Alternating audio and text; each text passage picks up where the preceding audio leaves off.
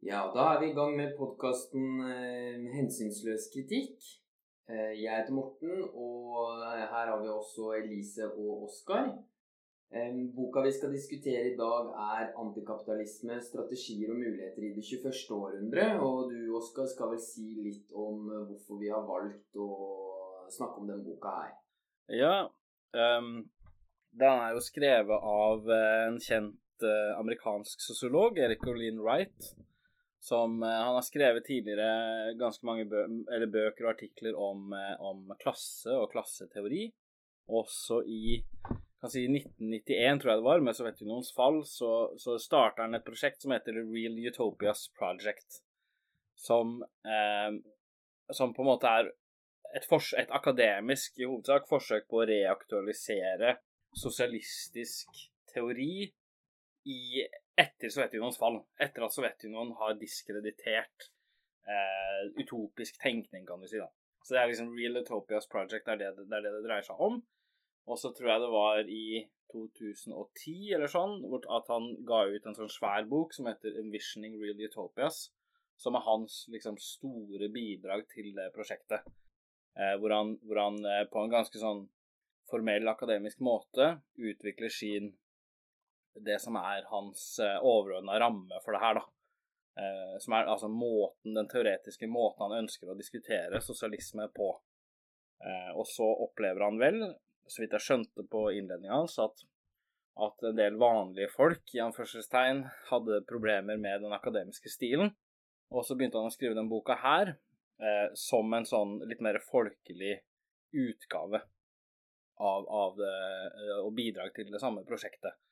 Eh, og så fikk han kreft underveis, og, og, og, døde faktisk rett før boka ble, ble utgitt. Så den er strengt tatt utgitt posthumt, da. Men, eh, men han tar opp spørsmålet om, om, eh, sosialisme på en måte som jeg i hvert fall syns kan være et, et godt uh, utgangspunkt for videre diskusjon. Da. Um, selv, enten Altså Avhengig av uh, ikke, ikke, nødvendigvis det at jeg er enig med han på, på alle punkter, men det er Eller på så mange punkter en gang. Men, men, men, han, men, han, har i hvert fall en, en, en klar og tydelig framstilling som, som egner seg til, til diskusjon. Så, eh, så, derfor så tenkte jeg Det var derfor jeg anbefalte den boka som et sånt utgangspunkt for en, en eh, podkast som vi har her, da. Det er jo ganske fancy bokomslag. Eh, og jeg tenker at jeg hiver meg rett uti det og sier eh, hva jeg følte. Eh, for den heter jo da 'Antikapitalisme strategier og muligheter i det 21. århundre'.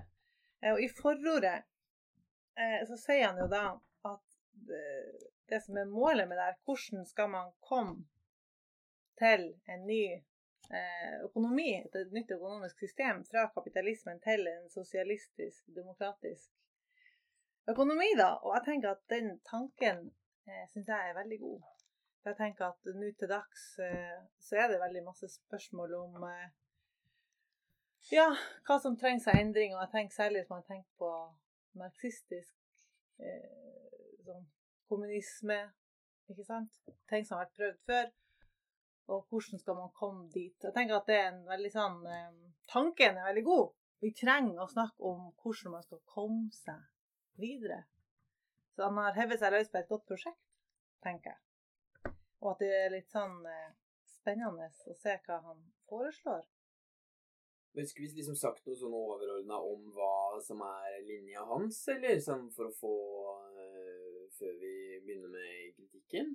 Ja, vi, vi, kan jo prøve. Altså han Det er jo åpenbart en, en slags altså, Alle som skriver om sosialisme, sosialistisk overgang til et sosialistisk samfunn i dag, vil jo på en måte på en eller annen måte måtte forholde seg til eh, det som har skjedd før.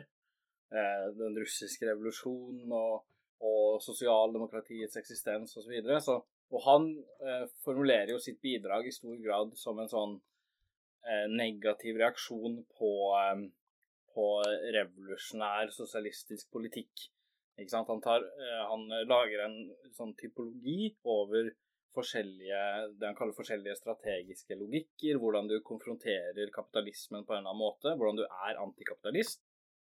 Og, og en av de er, er da den rupturelle logikken, eller den revolusjonære logikken, hvor du liksom prøver å styrte det bestående med ett slag, sånn som han uh, forklarer det. Og, og hans uh, bok, sånn som jeg leser den i hvert fall, er, er uh, et forsøk på å finne et alternativ til det, egentlig. Og begrunne uh, og, og, forklare hvorfor vi kan, hvorfor vi kan få en overgang til et sosialistisk samfunn som ikke trenger å ta en sånn rask, brå Ta form av et sånt raskt og, og plutselig omslag.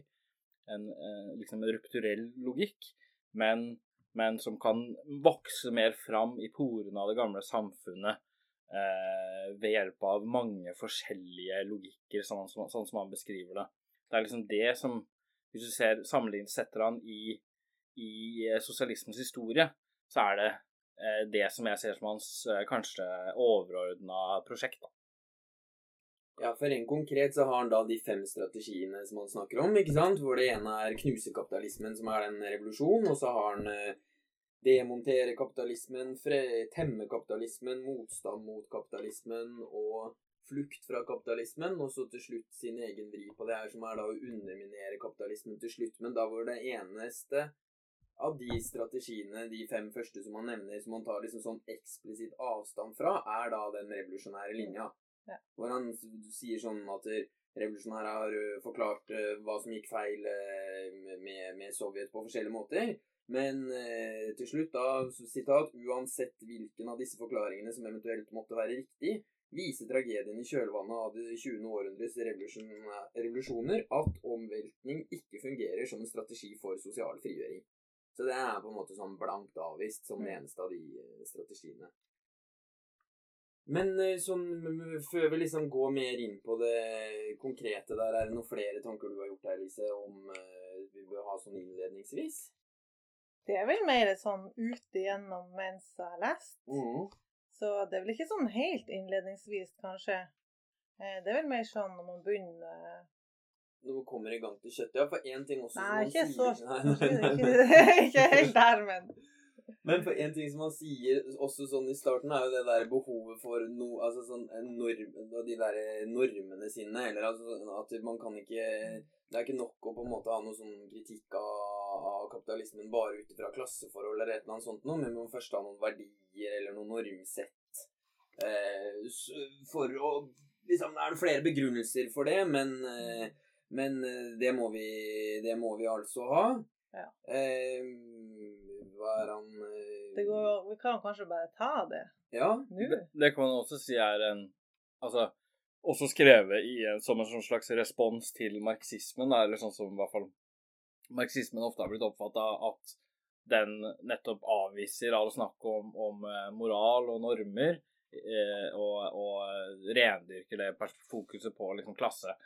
Eh, sånn at han mener at marxismen gjorde feil der, og at vi trenger en, en eh, Vi må liksom snakke om disse verdiene som ligger til grunn for prosjektet vårt, ikke sant? Ja. Fordi at han Altså, han øh, lager vel en kritikk av kapitalismen, og mener at kritikken kan ikke bare ta utgangspunkt i klasse.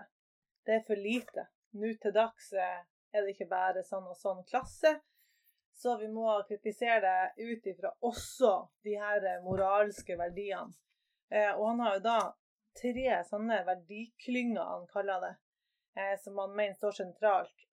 Og jeg må si jeg syns det er litt artig at han har bindestrek på hver eh, en, hvert av de, sånn at det blir på en måte dobbelt så mange verdier. Ja. Det er på en måte tre, men eh, det skråstrek på hvert, så det blir på en måte seks.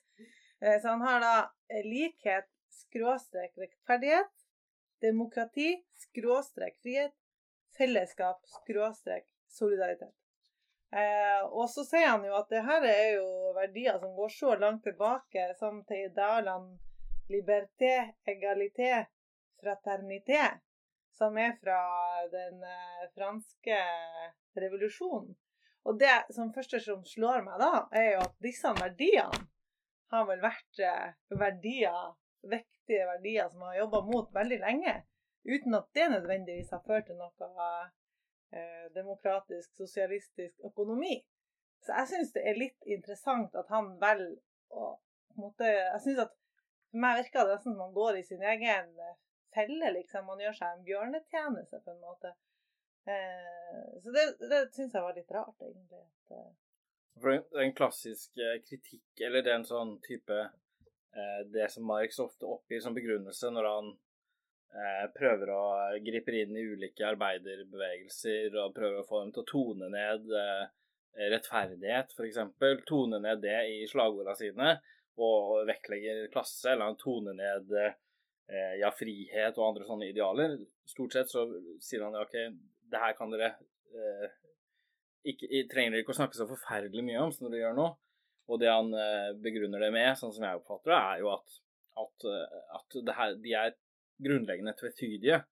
Sånn at ikke sant, du, eh, sånn at du skriver en pamflett som, eh, som et slag for evig rettferdighet, eller rettferdighetens evige ideal. Men det er, det er, det er i, i, ut ifra det så er det ikke så, så er det ikke tydelig om, om du, hva du egentlig sikter til. Ikke sant? For rettferdigheten kan, kan Mange vil mene, mange konvensjonelle økonomer sant, vil mene at rettferdigheten er håndheva i dagens kapitalistiske system. Arbeiderklassen får betalt den fulle verdien av det de selger til kapitalisten. Det er ingen urettferdig eh, byttehandel som foregår der, osv. Så sånn. Formelle like rettigheter etc., etc. Ja. ja. Sånn at eh, hva, hva, hva som man, man, egentlig legger i rettferdighet, er ikke Det er ikke noe begrepet rettferdighet i seg sjøl kan eh, vise. Sånn at det kan være en måte å liksom legge veldig mange egg i en kurv som til sjuende og sist kan gå i alle mulige retninger, eller hva man skal si. da. Og eh, det nettopp det poenget at ja, den franske revolusjonen ble, ble gjennomført eh, for å realisere de verdiene som han tar til orde for. Men første, noe av det første som skjedde etter den franske revolusjonen, var jo forbud mot alle selvstendige arbeiderorganisasjoner, forbud mot fagforeninger og streike og Så videre og sånn. Sånn at det var, hadde jo en, en, en, et, borgerlig, et veldig tydelig borgerlig eh, klassepreg. Og det var, jo, det var jo helt i tråd med det de oppfatta som frihet og likhet og brorskap. Eh, som jo viser at frihet og likhet og brorskap er Altså, det er ikke bare bare å bruke de ideene, liksom. Det er ikke helt åpenbart eh, at, eh, ja, hva det innebærer i praksis, da. Nei, det er jo veldig godt, uh, godt poeng. Og det første som du også sa, liksom, er at dere, sånn, Filosofer liker jo ofte sånn skjematisk skille mellom tilstrekkelige og nødvendige betingelser. At, eh, ikke sant? Så Hvis noe er en tilstrekkelig betingelse, så hvis du har det, så kommer eh, X til å skje. Og det er jo som åpenbart du sier, det at bare det at du har de verdiene her, og man slutter seg til dem, så det, det er i hvert fall ikke noe tilstrekkelig betingelse for at de blir realisert. Eh, helt klart. Men så er spørsmålet er det noen nødvendig betingelse. Altså er det sånn at du må ha disse verdiene for at det skal være mulig med den, eh, den forandringa av samfunnet i det hele tatt. Og det er vel heller ikke sikkert, i hvert fall jeg eh, det gjør det ikke for meg, da, eh, med, med de verdiene. Jeg tenker sånn Du kan helt fint ta, ta bare utgangspunkt i kapitalismen som den er, og så tenker du deg at ja, som en lønnsarbeider i kapitalismen så vil du ha mest mulig fri og, og mest mulig penger.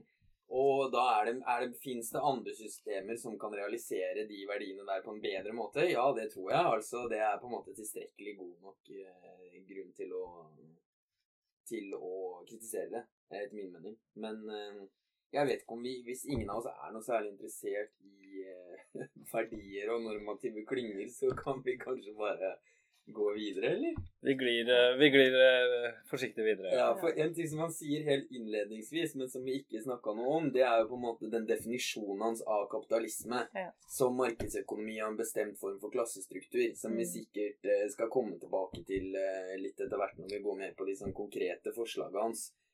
Men jeg syns ikke den er ikke den sånn noenlunde kurant. Altså, man kan sikkert definere den eh, Og du ville sagt det på en annen måte sikkert, Oskar, men, men, det er vel sånn to bestanddeler som er sånn rimelig ok, eller hva mener vi er? Um, hva skal jeg si Det er, det er en um... Jeg tror han er uenig. um, Jo, det er noe Det er mye Det er en subtil uh, jobb da, som, som, man gjør i den definisjonen, som legger grunnlaget for mye av det som skal skje seinere. Og det er jo at han definerer markedet og klasse, klassene som uavhengige fra hverandre. Ikke sant? Så kapitalismen er et samfunnssystem som har to elementer. På den ene sida så er det et marked, og på den andre sida så er det også lønnsarbeid. Ikke sant? Og har du de to tinga, så har du kapitalisme. Eh, som, som, betyr at du kan ha, mark, eh, du kan ha liksom en markedsøkonomi uten lønnsarbeid, og, og, og, du kan kanskje ikke ha lønnsarbeid uten markedsøkonomi, da. Men, men der er, har man allerede begynt eh, gjennomgangen på en, en, en eh, hva, nøler med å si det, litt sånn slu måte, ikke sant, som allerede impliserer den konklusjonen Wright eh, ønsker å etablere, som er at sosialismen må være en markedsøkonomi. Eh, den konklusjonen ligger der allerede fordi at han har nettopp løsrevet markedsøkonomien fra kapitalismen. Eh, noe som, noe som Hvis du ser på det Wright har en sånn idealtypisk måte å tilnærme seg kapitalisme på. Han, han, det er en definisjon som han liksom bare har laga. Men hvis du tilnærmer deg historisk, så er det jo sånn at, at, lønnsarbeidet og markedet, altså det at du får et markedssamfunn hvor markedet liksom er det som dominerer samfunnet tilsynelatende, eh, altså alle aspekter av rikdomsproduksjonen, eh, altså det, det Marx kaller allmenngjorte markeder, ikke bare markeder som eksisterer i liksom lommer og porer av et eh, eh, en fedal middelalderby, men et samfunn som hvor alle mer eller mindre kjøper alt de trenger for å leve på et marked, og de skaffer det de trenger for å leve gjennom et marked. Um, altså det allmenngjorte markeder. Det oppstår jo historisk nettopp gjennom lønnsarbeid. Det er lønnsarbeidet uh, som er nøkkelen til, til uh, at vi får den type markeder. Sånn at det her er ikke det er en litt sånn innvikla greie. Og, og, men, men, det her er ikke Jens, Jeg er liksom ikke enig i det hele tatt at det her er, at det her er to gjensidig uavhengige størrelser, som den definisjonen hans forutsetter. Men hvis han hadde sagt markeder og ikke markedsøkonomia, da kunne du sagt at du kan ha markeder uten at du har lønnsarbeidere? Ja da, ja. Eh, du kan ha markeder, ja. Eh, ja, det, det er for så vidt det. Men markeds, en markedsøkonomi for da har du det allmenngjorte markedet. Det er jo nettopp, ja. ikke sant? Nettopp, Tilbud, etterspørsel Ikke sant? Og, og, du har altså selve eh, Altså, det er når når, eh, når, når eh, arbeiderne selv sant, kjøper og selger seg på et eh, selger sin arbeidskraft som en vare på et marked. Mm.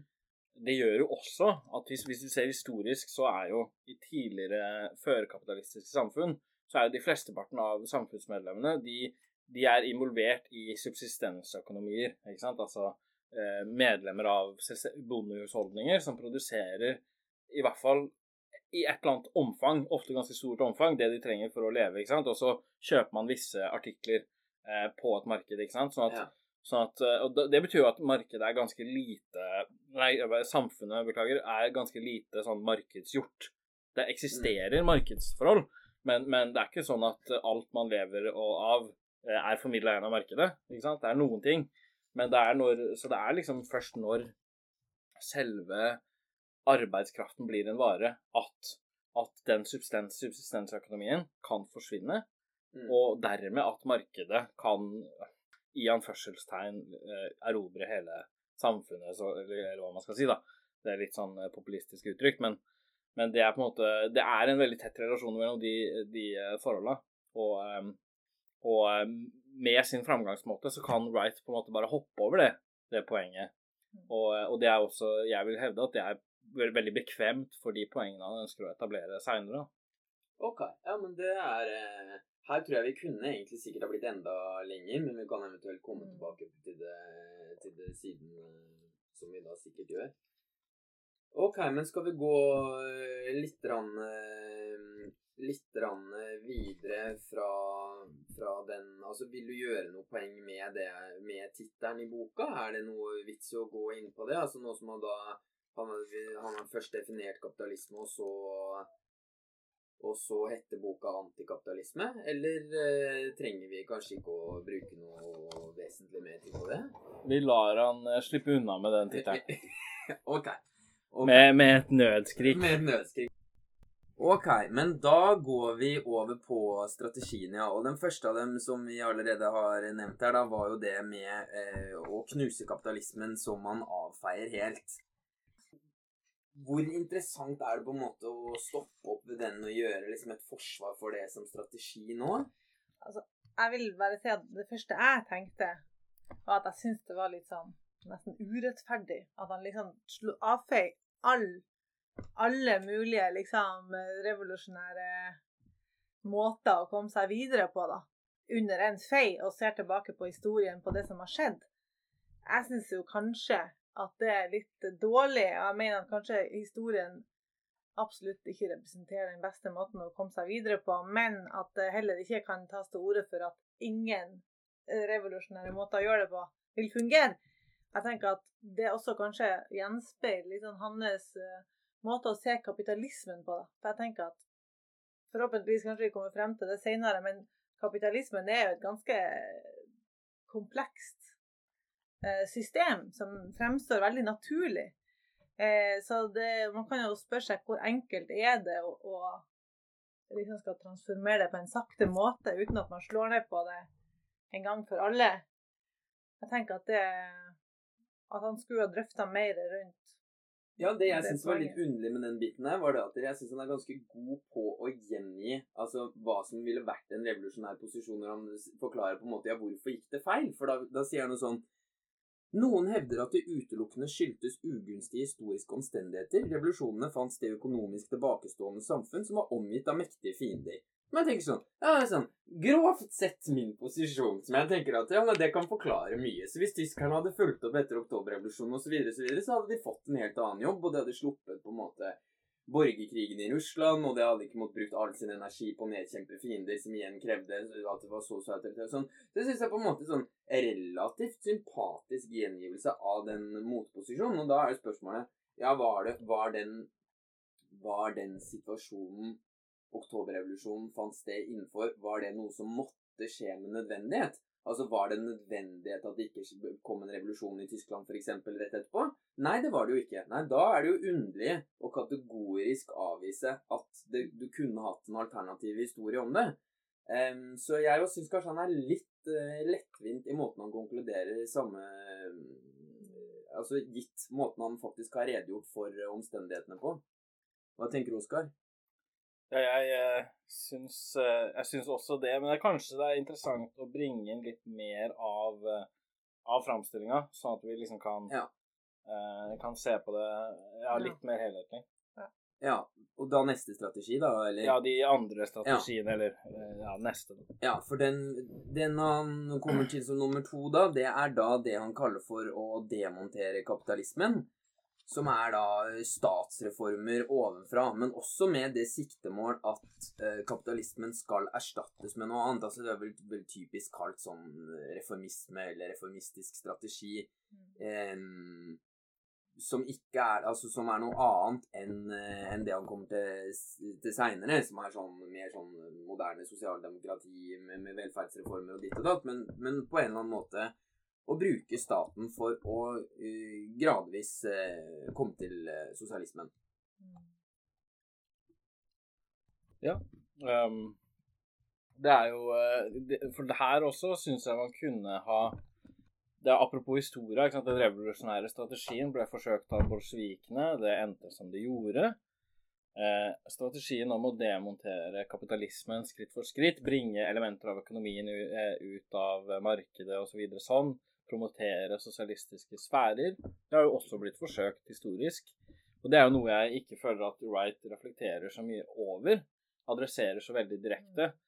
Ikke bare sosialdemokratiet hadde det som programmatisk mål.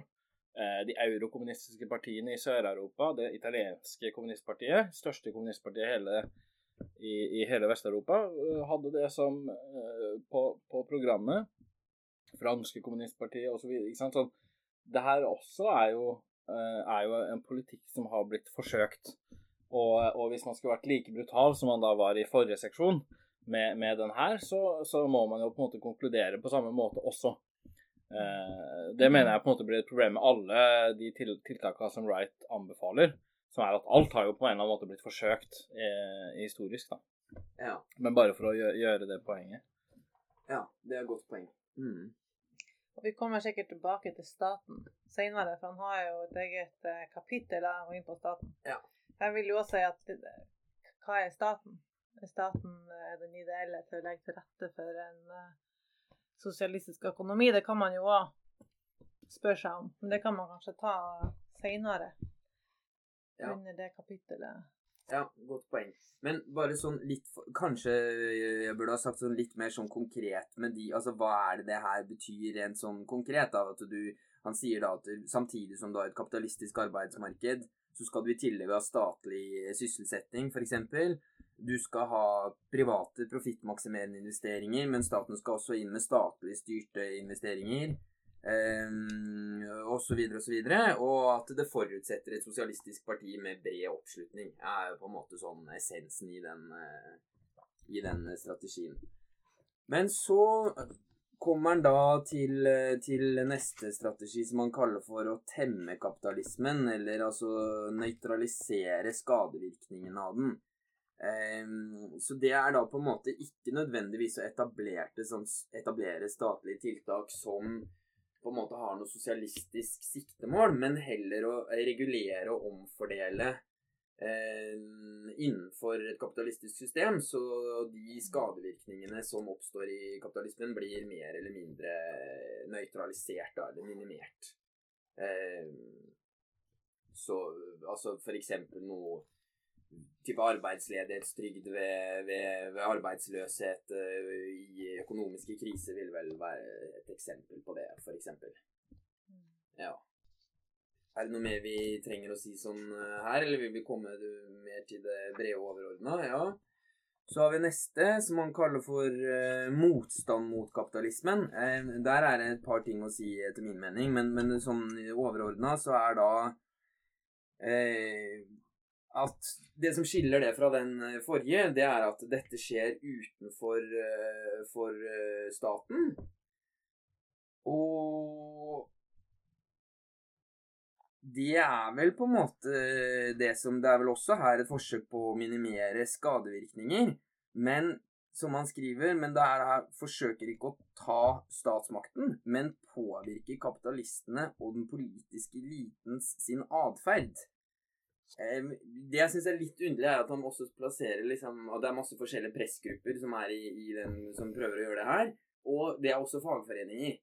Jeg er litt usikker på om jeg ville kategorisert på en måte Da- har du Hvis du har streik som på en måte kamp om, eh, om, eh, om verdiene i produksjonen, er det på en måte et forsøk på å påvirke staten og kapitalistenes mm. atferd? Jeg vet ikke helt om det passer inn i den kategorien, men det er kanskje mer sånn mindre tema.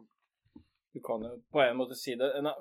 Han, på noen måte, når han snakker om fagforeninger, så syns jeg ofte han bærer preg av å være amerikaner. Da, men det kan vi kanskje Jeg får se om vi får noe Men i, i europeiske liksom, korporative eh, tradisjoner hvor du har Jeg syns i Norge du har trepartssamarbeidet. Mm. Så er jo fagforeningene er jo en institusjonalisert del av eh, i, I grov forstand statsapparatet, da. Ja, ja, ja. Ikke sant? Eh, Det er ikke det er ikke bare sånn sivilsamfunnsinstitusjoner som eksisterer liksom utafor staten.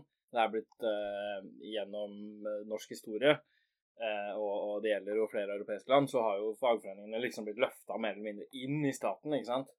Eh, som, som gjør at, at det skillet blir kanskje litt litt kunstig, da. Ja, ja, du tar det fra den helt motsatte siden av meg. Jeg ville ha det som, som en sånn særegen organisasjon i sivilsamfunnet fordi Ja. de dreiv med, med arbeiderkamp, mens du sier da at i praksis så er det ikke Det er en særegen organisasjon, men i den forstand at det er tatt opp i staten. Ja, skjønner. Skal vi bare hoppe videre til, eh, til neste år, for, for, bare for å gi et sånn bredt, bredt overblikk her, og det er det han eh, kaller da flukt fra kapitalismen som mer eller mindre er eh, at det er oppsummert som det lureste vi kan gjøre, er å prøve å isolere oss mot kapitalismens skadevirkninger, og kanskje flykte til et trygt miljø. ja, det er sorry, det er jo nedlatende å le av det, men det er på en måte sånn sånn selvforsyningsfantasier-type, Ja. ikke sant? Eller som man eh, tar et sånt hippie-slagord om å Hva er det heter for noe? Bla, bla, bla, drop out er konklusjonen. Altså ta dop og Litt sånn eco-villages og Ja. litt sånn, egentlig. Altså Et sånn moderne eh, fenomen som man ikke nevner, men som vel også passer i den samme, er den derre FIRE-bevegelsen. Financially Independent Retire Early. De òg tror jeg kan passe ganske godt inn i til den, der hvor du er erkekapitalistisk i den første delen av livet, ja. med siktemål om å da kunne leve på avkastninga av det globale indeksfondet ditt resten av livet, så du slipper å delta i rotteracet. Så der hvor veien ut av rotteracet er å være skikkelig god på det i begynnelsen, ikke sant? Så kan du meditere og Ja, ja, reise til India og sove det er jo på en måte det mest behagelige, da. Og, og, og jeg tenker sånn, det å kjempe mot eh, kapitalismen er jo en kamp. Det er jo tøft, og det er vanskelig, og du føler deg jo litt alene som marxist. Og, og sånn, sånn at det å bare selge det du har, og fælt eller retreat eller en øko-village i Spania og bo der for resten av livet, frister jo.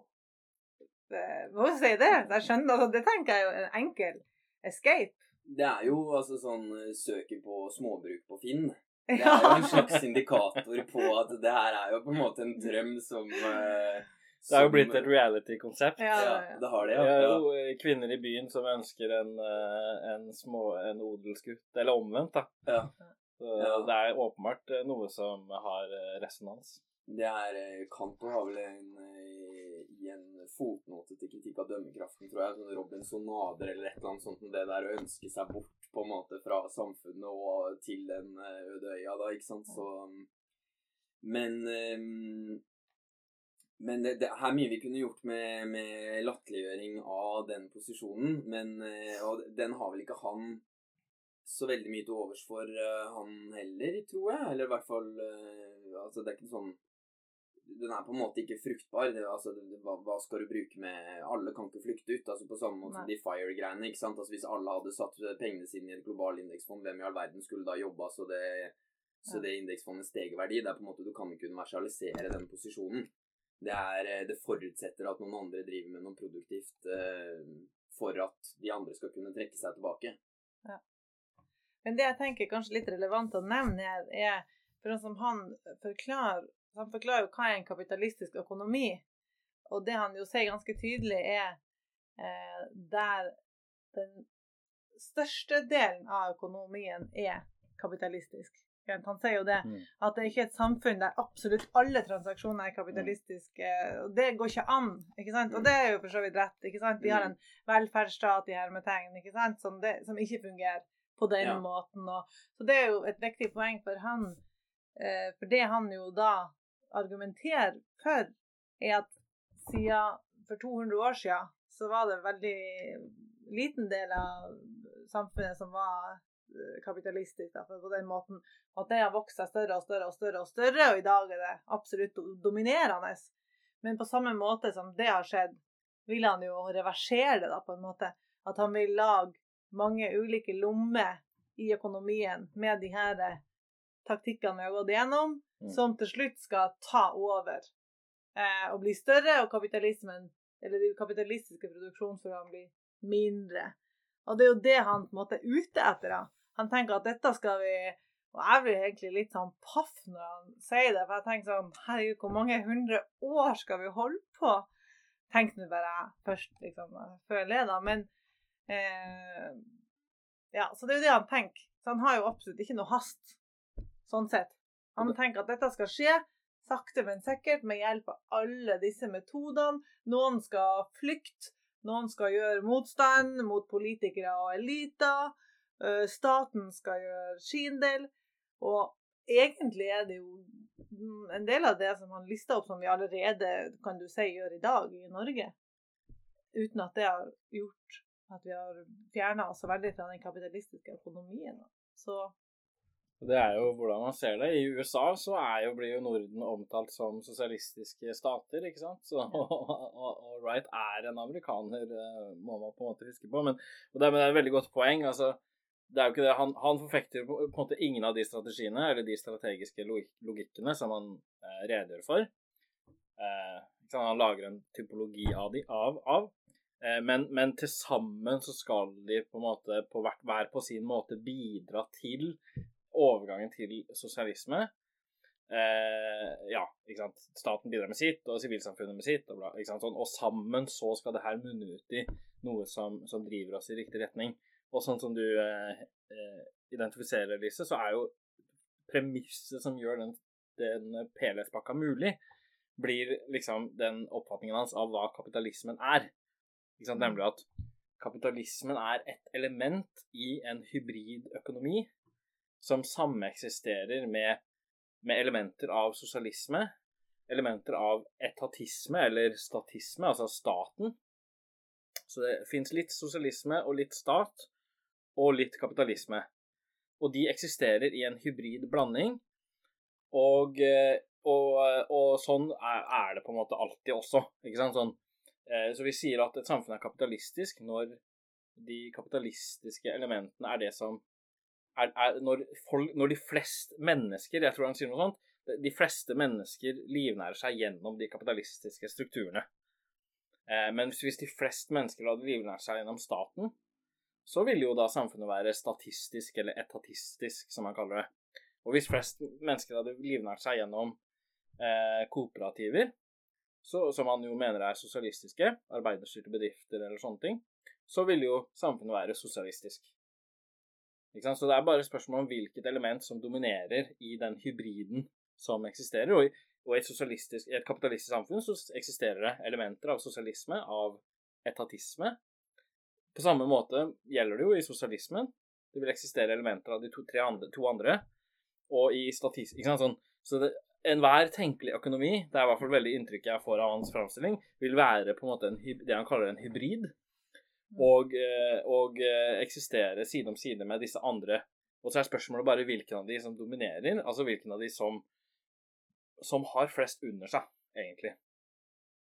Um, og der Det er der jeg Det er det som, som, som, som gjør, gjør det mulig for han å si at OK, så vi kan demontere kapitalismen ved å, ved å bygge ned de kapitalistiske elementene i hybriden vår. Og så kan vi gjøre motstand mot de kapitalistiske elementene i hybriden vår. Og så kan vi sant, temme, og så kan vi flykte fra. Altså, Vi kan kombinere alle de her, men det som gjør det mulig å, å tenke, seg, tenke, på den måten, er jo den, den, egentlig det premisset som man ikke utvikler så veldig tydelig og, og, systematisk, men som ligger der som et jeg tror, absolutt vesentlig premiss, nemlig at, at, vi lever i det han kaller en hybridøkonomi, og, og hva han legger i det. Og hvordan han da definerer de forskjellige elementene i den hybriden. Altså hvordan han definerer henholdsvis kapitalisme, sosialisme og etatisme. Um, og, og, og, jeg tror også at det er der bokas liksom, underliggende svake punkt ligger. Um, fordi Fordi det er Jeg syns ikke Det er helt overbevisende, definisjonene hans og, og den helhetlige Ja, den karakteristikken av liksom, det hybride økonomien som vi visstnok lever i. Men hvis vi skulle gått bare litt videre på det, siden det her er sikkert noe av kjernekritikken nå, da, så vil det jo være sånn at det, eh, man vil jo kunne gjenkjenne seg at det er eh, det er sfærer som ikke er gjennomsyra av kapitalistisk logikk. Altså Som f.eks. Eh, innad i en familie så ville du kunne sagt det at eh, ja, her er det ikke Her er det på en måte en annen logikk som gjelder. Og selv om eh, av og til kapitalismen presser seg på og preger den familien eh, også i fritiden deres, så er det på en måte også eksisterer det en sånn slags en annen form for, eh, en annen form for logikk. Og tilsvarende så ville man kanskje kunne sagt at i visse perioder i visse stater hvor de har på en måte et stort velferdspolitisk handlingsrom, ehm, der hvor, eh, der hvor, eh, konkurransekraften til økonomien er så god, altså sånn som Norge som har hatt handelsoverskudd i 30 år og har et oljefond som er syv-åtte ganger statsbudsjettet osv., så, så, videre, så kan på en måte så kan statsansatte eller pleiearbeidere eller helsearbeidere eller hva det måtte være for noe, på en måte operere etter en Ikke det mest effektive, eller ikke det som nødvendigvis bedrer den nasjonale konkurransekraften, men på en måte delvis etter en annen logikk. Så kanskje du skulle på en måte utbokstavert eh, hva, hvordan tvangen på en måte slår igjennom, eller altså hvordan ikke det er antallet i de forskjellige sfærene som er det utslagsgivende, men hvorfor, eh, hvorfor kapitalismens logikk eh, er dominerende. Ja, altså det er noe der um, ja, som, Man kan si at alle, ja, alle marxister har alltid vært enig overfladisk sett i hvert fall alltid vært enig med det Wright sier, at et, et samfunn er ikke liksom dominert helt monolittisk av kapitalistiske prinsipper. Eh, altså, et samfunn består av forskjellige typer måter å produsere på. Ikke, ikke bare kapitalistiske elementer. Det, det er helt klart. Um, og, og Eh, og eh, det, den dag i dag så eksisterer det ikke sant, sånn selvstendig uh, altså produksjon for egne behov. Det eksisterer håndverkeryrker som er mer eller mindre selvstendige, som kan, si ikke helt passer inn i, inn i det som er særegen for kapitalismen. Um, så det, det, det, det, seg, det, kan man ikke nekte for, og det bør man heller ikke nekte for. ikke sant? Så er spørsmålet hvordan tenker, så I en eller annen forstand så er hybridøkonomi det er på en måte en riktig beskrivelse på en eller annen måte. Men der jeg tror eh, det avgjørende ligger, det avgjørende premisset, er hva er forholdet mellom helhet og del? Altså hva er forholdet mellom, eh, mellom delene eventuelt da, i den eh, hybriden? Er det da sånn at det bare eksisterer liksom ulike systemer side om side i et samfunn, og så er det bare spørsmål om Og det er det man får veldig inntrykk av, right? At liksom, nå, nå er det flere i den her, ja. og da betyr det at den dominerer. Mm. Og eh, nå er det flere i den her, og nå betyr det at den dominerer. Eh, eh, og så videre sånn. Eh, det som Det som eh, eh, Hvis man tar for eksempel sørstatene i USA i, på 1800-tallet, hvor du hadde elementer av kapitalisme i den forstand at, at man produserte for verdensmarkedet, som, som var liksom skapt av kapitalistiske samfunnsforhold, men de overveiende Eh, den overveiende delen av økonomien var slavebasert. Det var en slaveøkonomi. Absolutt ikke kapitalistisk. ikke sant? Det er en slags kombinasjon av kapitalisme og ikke-kapitalisme. Men, men flertallet Altså, det, som man, det man må si dominerte i Wrights forstand, det var, det var slaveriet. Mens, eh, mens, det som dominerte viss Men det betyr ikke at slaveriet eksisterte i den formen som det gjorde i antikken altså i, i 500 år før Kristus osv., hvor så var sånn klassiske slave, de klassiske slaveøkonomiene i historien. Eh, det slaveriet som fantes på, i sørstatene, sørstatene, det ligna ikke på det antikke slaveriet, det romerske slaveriet, i det hele tatt. Det var noe helt annet. Og det var fordi at det var modifisert og tilpassa av kapitalistisk produksjon. Sånn at slavene de produserte ikke sånn som de gjorde før for å liksom behage sin herre osv det var liksom det som ga slaveriet Gjorde det litt sånn patriarkalsk og med, med anførselstegn behagelig sammenligna med det moderne slaveriet som oppstår i sørstatene. Som tvert imot som da er et slaveri som, er til, som produserer eh, merverdi for verdensmarkedet. Det, produserer, det, det, det, eksisterer i konkurranse og i et avhengighetsforhold til, til eh, eh, bomullsindustri i Storbritannia. Og, og, og der, det får en helt annen karakter. Eh, og, og du får også en sånn det, det, gjør også at du får en sånn, en sånn økonomisering med slavenes arbeid. En, en sånn rovdrift på, på dem. Som et ønske om å liksom få dem til å arbeide så hardt som mulig, så lenge som mulig. Eh, Noe som forkorter slavenes livstid med, til liksom noen, bare noen få år. Og, det, og det, dermed så får man også den internasjonale slavehandelen enorm import fra, av slaver fra Afrika til, til, eh, til eh, nettopp sørstatene, og, og, liksom millioner av mennesker som dør i et sånt økonomisk holocaust. Altså, det er, det, ikke noe av det her fantes i, i Romerriket, ikke sant? Det er fordi at det her er ikke bare slaveri. Det er slaveri som, som er modifisert av kapitalistiske forhold. Og mm. det er det elementet av dominans som ikke Wright har med seg som han ikke bygger inn i sin, sitt begrep om hybridøkonomi. For det er ikke bare at det her er ulike elementer som eksisterer side om side. Det er at du har ett Hva er det, hva er det Mark sier? Altså, du har en, et, liksom, en lederstjerne som bader alle de andre i sitt eget lys, som modifiserer dem og deres egenart. Eh, altså som, som tilpasser dem sine behov. Sånn at slaveriet blir ikke lenger bare slaveri. Det blir slaveri som er modifisert av kapitalismen. Altså av kapitalen selv. Eh, så det er ikke noe sånn at og bare for at det er flere, at de fleste produsenter nå er slaver, at du dermed får et omslag til, til det vi egentlig kan kalle et slavesamfunn. Ikke sant? Det er noe helt annet. Og jeg tenker her òg En ting, Du kan også si det med f.eks. kooperasjon. Så man nå f.eks. foreslår en kooperativ økonomi. At uh, kooperativer i dag i vårt kapitalistiske samfunn fungerer jo akkurat som en vanlig bedrift eller kapitalistisk bedrift, ikke sant?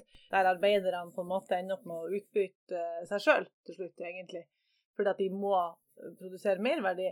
Men jeg tenker det her speiler litt tilbake på det som feilen som kanskje ble begått helt i begynnelsen, og definisjonen hans av kapitalisme, tenker jeg jo da. Jeg tenker at det er noe med det kapitalistiske systemet Eh, produksjonsforholdene at det er Og nettopp derfor har det blitt så verdenomspennende så stort som det har blitt. For det at det gjennomsyrer jo og får jo hele samfunnet til å liksom De må ta på seg de karaktermaskene. Eh, og de må bli del av det systemet. Det er jo nesten litt sånn vinn eller forsvinn. Eh, og det tenker jeg jo ikke blir drøfta rundt her, da. Men også nettopp derfor er det vanskelig å si at eh, sånn som man også sier her, da, at du bare får litt mer av den økonomien, så vips får du alt over. Men det er noe dypere. Jeg vet ikke om du vil eh, presisere det Altså, dypere Jeg, nettopp det du sier, at liksom det altså Når vi da ser på ok, hva, hvordan en hybridøkonomi i virkeligheten ser ut, og det er noen som, noe som dominerer her, og modifiserer de andre, så blir det også vanskeligere å se for seg eh, det, den overgangen til sosialisme som Wright ser for seg. du, det, og For den forutsetningen blir litt mer tvilsom. At, at, du har elementer av at du har arbeiderstyrte bedrifter i et samfunn, det er jo helt klart. Men at de simpelthen er eksempler på sosialisme, blir litt mer tvilsomt. For de eksisterer i et konkurranseforhold med kapitalistiske produsenter, og er derfor ikke eh, altså de, og, og, og må, må, operere på samme måte. Sånn at uansett hvor tallrike de blir, omfangsmessig, så er det ikke sosialisme så det, det, er, det, er, det, er, bare ikke det. Sånn at den, det, det, kaster liksom tvil over hele den, det strategiske perspektivet som, som Wright har. da. For han har jo satt opp to sånn konkrete eksempler eller i, i, boka si på hva altså, Annet enn at han vil ha en kombinasjon av de strategiene og uh, nye ting skal oppstå, noe press utenfor staten osv.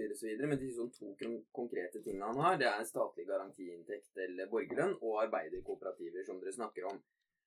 Og de arbeiderkooperativene, der vil en ha offentlige programmer som legger til rette for at kapitalistiske foretak, spesielt mindre familieforetak, eh, kan gjøres om til arbeiderkooperativer. Og han vil ha offentlige kredittinstitusjoner som da jeg antar ikke på markedsvilkår skal eh, gi lån til disse kooperativene og offentlig finansierte opplæringsprogrammer for kooperative organisasjoner og ledere. Der var han veldig veldig konkret akkurat på det. Så han har sikkert vært borti noen kooperativer med dårlige ledere eller et eller annet. da. Um, og det skal vi sikkert si litt mer om. Tenkt, for meg selv så har jeg prøvd å satt opp sånn skjematisk som ja, ja, hva er det det her løser? Så det, de kooperativene de slutter jo da å produsere eh, merverdi for en kapitalist. Det slutter du jo da. Så de er jo ikke eid av, av, kapitalisten, de er jo eid selv. Så akkurat det, eh, det forsvinner jo ut der på en eller annen måte. Selv om de må produsere mer enn de tar ut i lønn for å kunne investere i nye ting eh, videre også, ikke sant? Men hvilke problemer gjenstår? Altså, de må fortsatt konkurrere, ikke sant? Det, eh, det kommer de ikke det kommer de ikke utenom. Og da vil også logikken med at konkurransekraften til et uh, arbeiderkooperativ vil fortsatt bli bedre ved at prisene og lønningene settes ned. Mm. Så de vil fortsatt på en måte slå det neste, eh, neste kooperativet ved å sette ned uh, egne lønninger. Mm. Og hvis de da produserer i en, i en bransje der hvor det eksisterer både kapitalistisk produksjon og arbeiderkooperativ produksjon, så vil da, gitt at den ene kapitalisten klarer å sette ned lønningene i sin bedrift, så vil jo de da bli mer eller mindre tvunget til å følge den samme logikken hos seg selv. Så det problemet eksisterer fortsatt. Og de produserer da ja, eh, fortsatt for et, eh, et eh, marked. Så hva de produserer, vil fortsatt være avhengig av hva på en måte det markedet etterspør. Det vil ikke være noe sånn med direkte bruksverdi i produksjon ved at det er et, et, arbeiderkooperativ.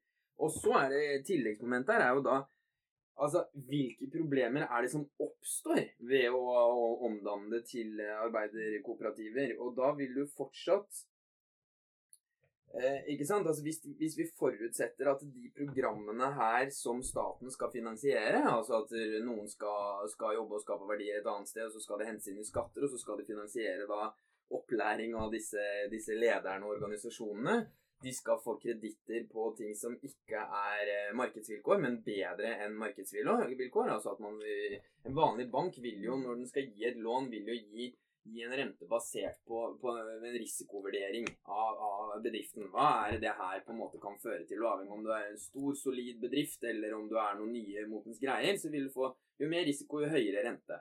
Men her må vi da anta at han skal gi lav rente til de greiene her. Og hvis vi da på en måte ikke tenker på sånn gründere i, i, teorien. For det, er jo liksom Gründer er jo ting som er lett å like i teorien. Eh, men i praksis, hvis man ser på på en måte hva er virkelig eksisterende gründere, så er det jo jævlig mye ræl, ikke sant? Altså, det er nettbutikker, det er skopussere, det er de som bytter eh, bytter iPhone når den er knust på toppen, ikke sant? Det er noen som skal tilby coach-tjenester, osv., osv.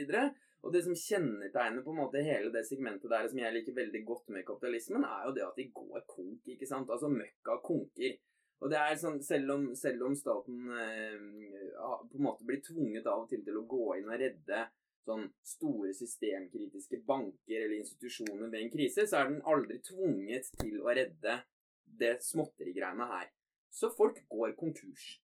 Mens det han da åpner for, ikke sant, er at du har jo masse kollektiv av gründere da, som vil lage arbeiderkooperativer, som vil gjøre hobbyen sin, som vil leve drømmen, som vil få til det store her, som skal få bedre enn markedsvilkår, og styre og holde på uten at det vil gå konk like fort. Mm.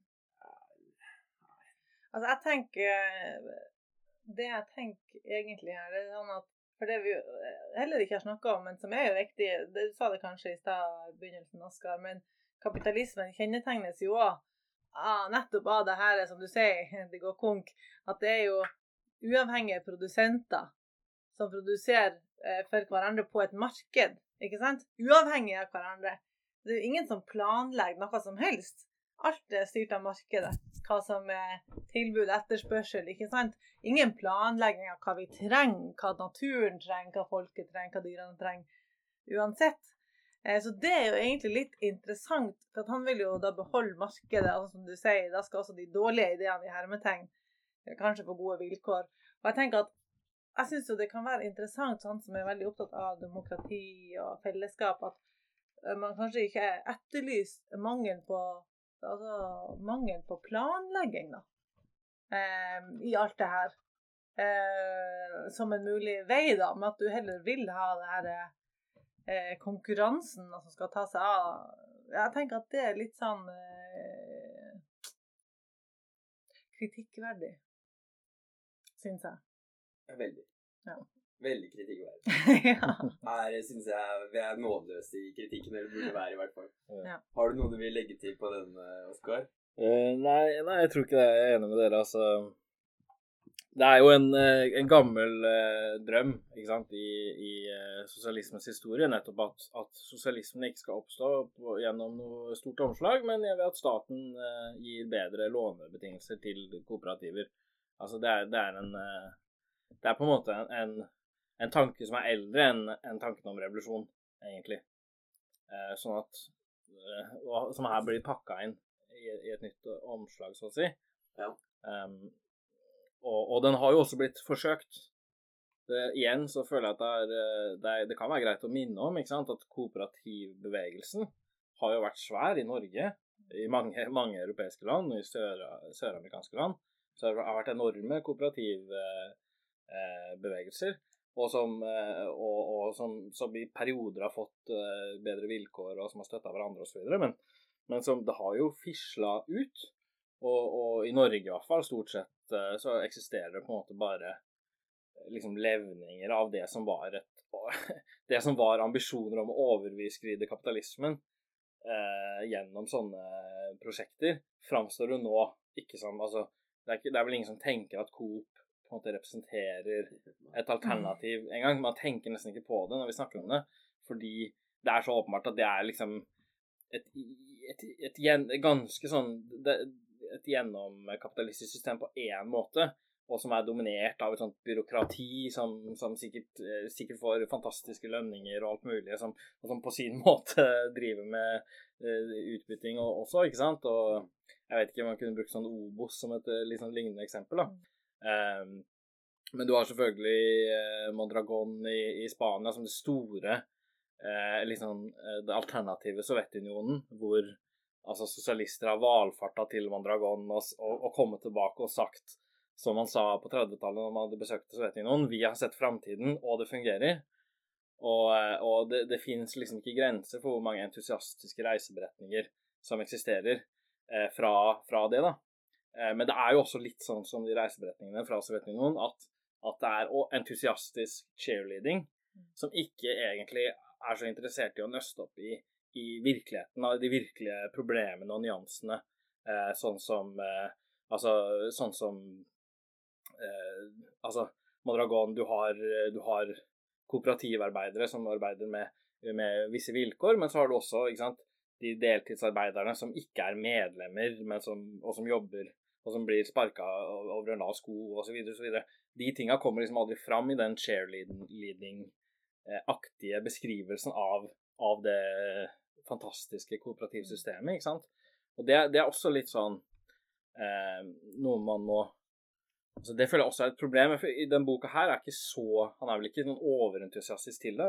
Jeg tror han bemerker faktisk en del av de relevante problemene akkurat med Madragona, Men, men eh, med andre ting så er han liksom overentusiastisk, kanskje. Sånn deltakende budsjettering i Brasil osv. Eh, hvor, hvor, eh, hvor han beskriver på en måte håpa som fantes da det kom i stand, men ikke liksom den litt mer sånn kjølige baksmellen som kom etter hvert når entusiasmen roer seg. da.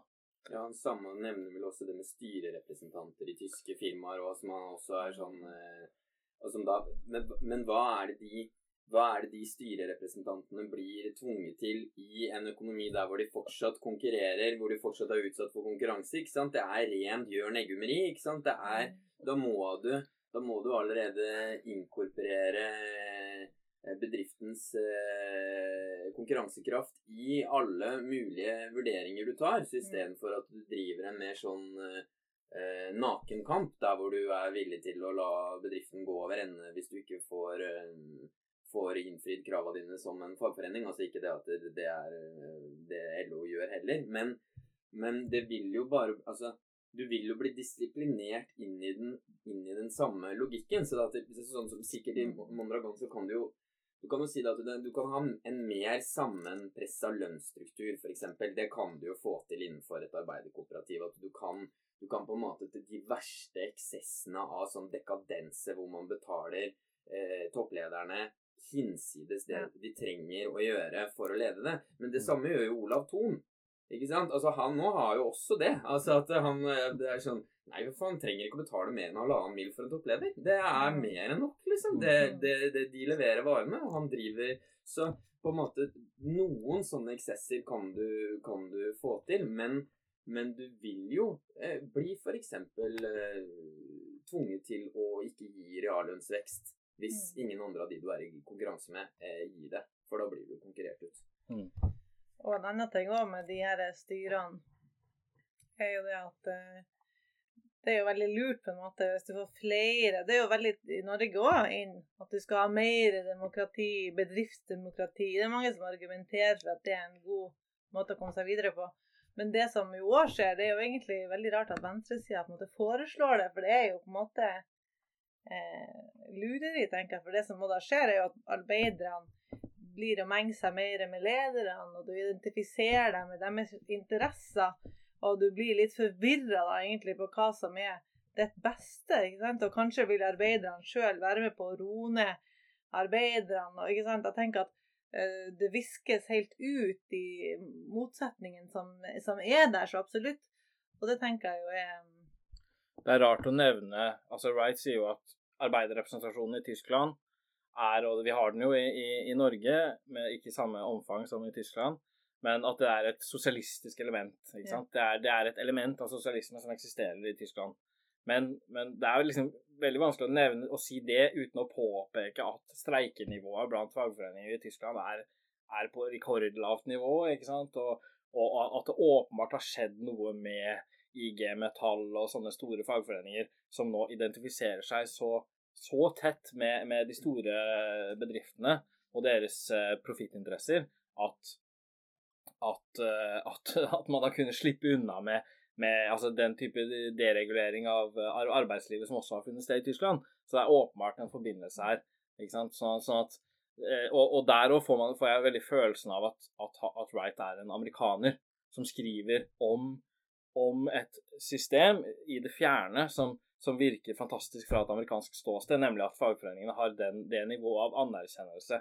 Og, og sammenligna med USA så kan man jo si, på en måte si at det er, det er fint og flott, men men det er det, vi vet jo at det kommer med en pris, da. Og, og, og, hvis man ser litt nærmere på det, og, kalle det et, et, liksom, Å si at samfunnet dermed er liksom 49% sosialistisk, blir, blir, litt sånn uh, latterlig.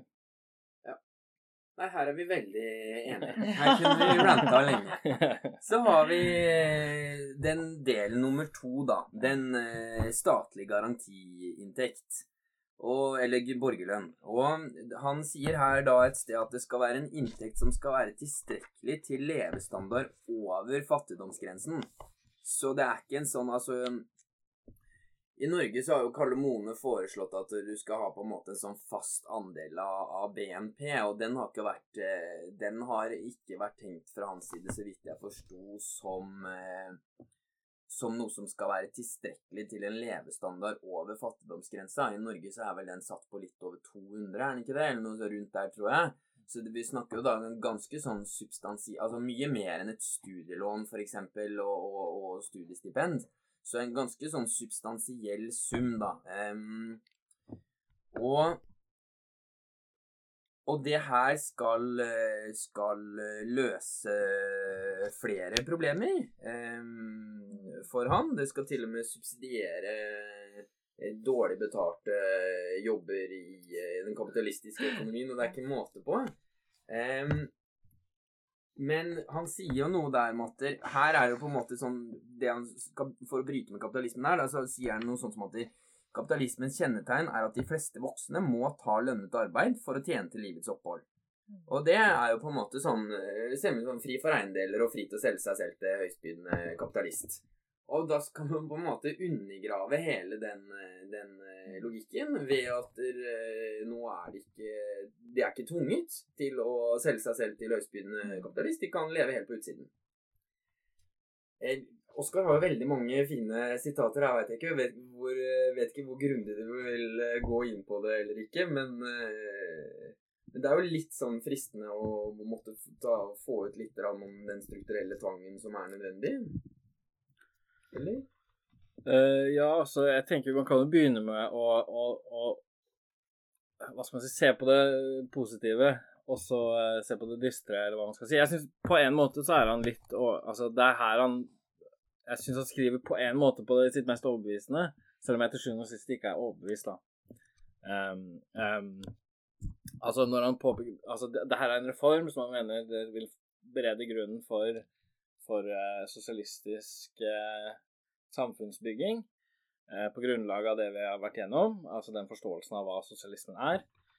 fordi det på den ene siden, ene siden er positiv, altså det er mulig å gjennomføre for at det styrker kapitalismen på en eller annen måte. Ikke sant? Det, det finansierer dårlige lønninger. Og, eller det subsidierer lave lønninger. Og det, det, sikrer systemet en etterspørsel som det trenger. Og, og, men det vil også Det er derfor han mener at det er mulig. For at det er liksom positivt for kapitalismen. Men så vil det også gjøre det lettere å jobbe sosialistisk på den måten som han har beskrevet, da, med de, de fire logikkene. Og det er jo Det syns jeg i hvert fall er et sånt Eh, et, et godt argument, eh, hvis han skal formulere et argument, så, så, er det sånn OK, det er der, det er der han, han, en sånn reform må, må treffe. Um, jeg vet ikke om du har noen uh... Ja, jeg syns òg at jeg ble, når jeg leste det her uh, avsnittet, eller um, underkapittelet da, om borgerlønn, at jeg ville si jeg ble ganske overbevist. Jeg tenkte bare wow, det høres ut som en drøm. Du kan bare få penger, slippe å måtte jobbe og liksom kunne frigjøre seg sjøl og holde på med det man liker, strekke og hekle og gå turer. Altså litt sånn, fikk litt sånn det var deilig kan man jobbe med litt kunst. Og det han vil. Han vil at vi liksom skal bare utfolde oss sjøl og finne våre indre kreative sjeler, kanskje. Samarbeide med jordbruket. Litt sånn hist og pist. Så jeg tenkte faktisk at det, det hørtes fint ut. Og jeg tenker altså i Kapitalen så påpeker Marx at vi sleit med å på en måte få i gang det kapitalistiske systemet i Australia. For det at de, altså, de fra England de tok, når de kolonialiserte, så tok de mange folk dit.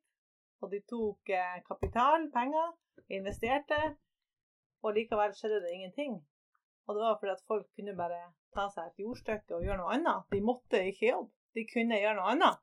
Og da var på en måte det dømt til å mislykkes. Da fikk vi ikke i gang de her altså skapninga av verdi, merverdier, ikke sant.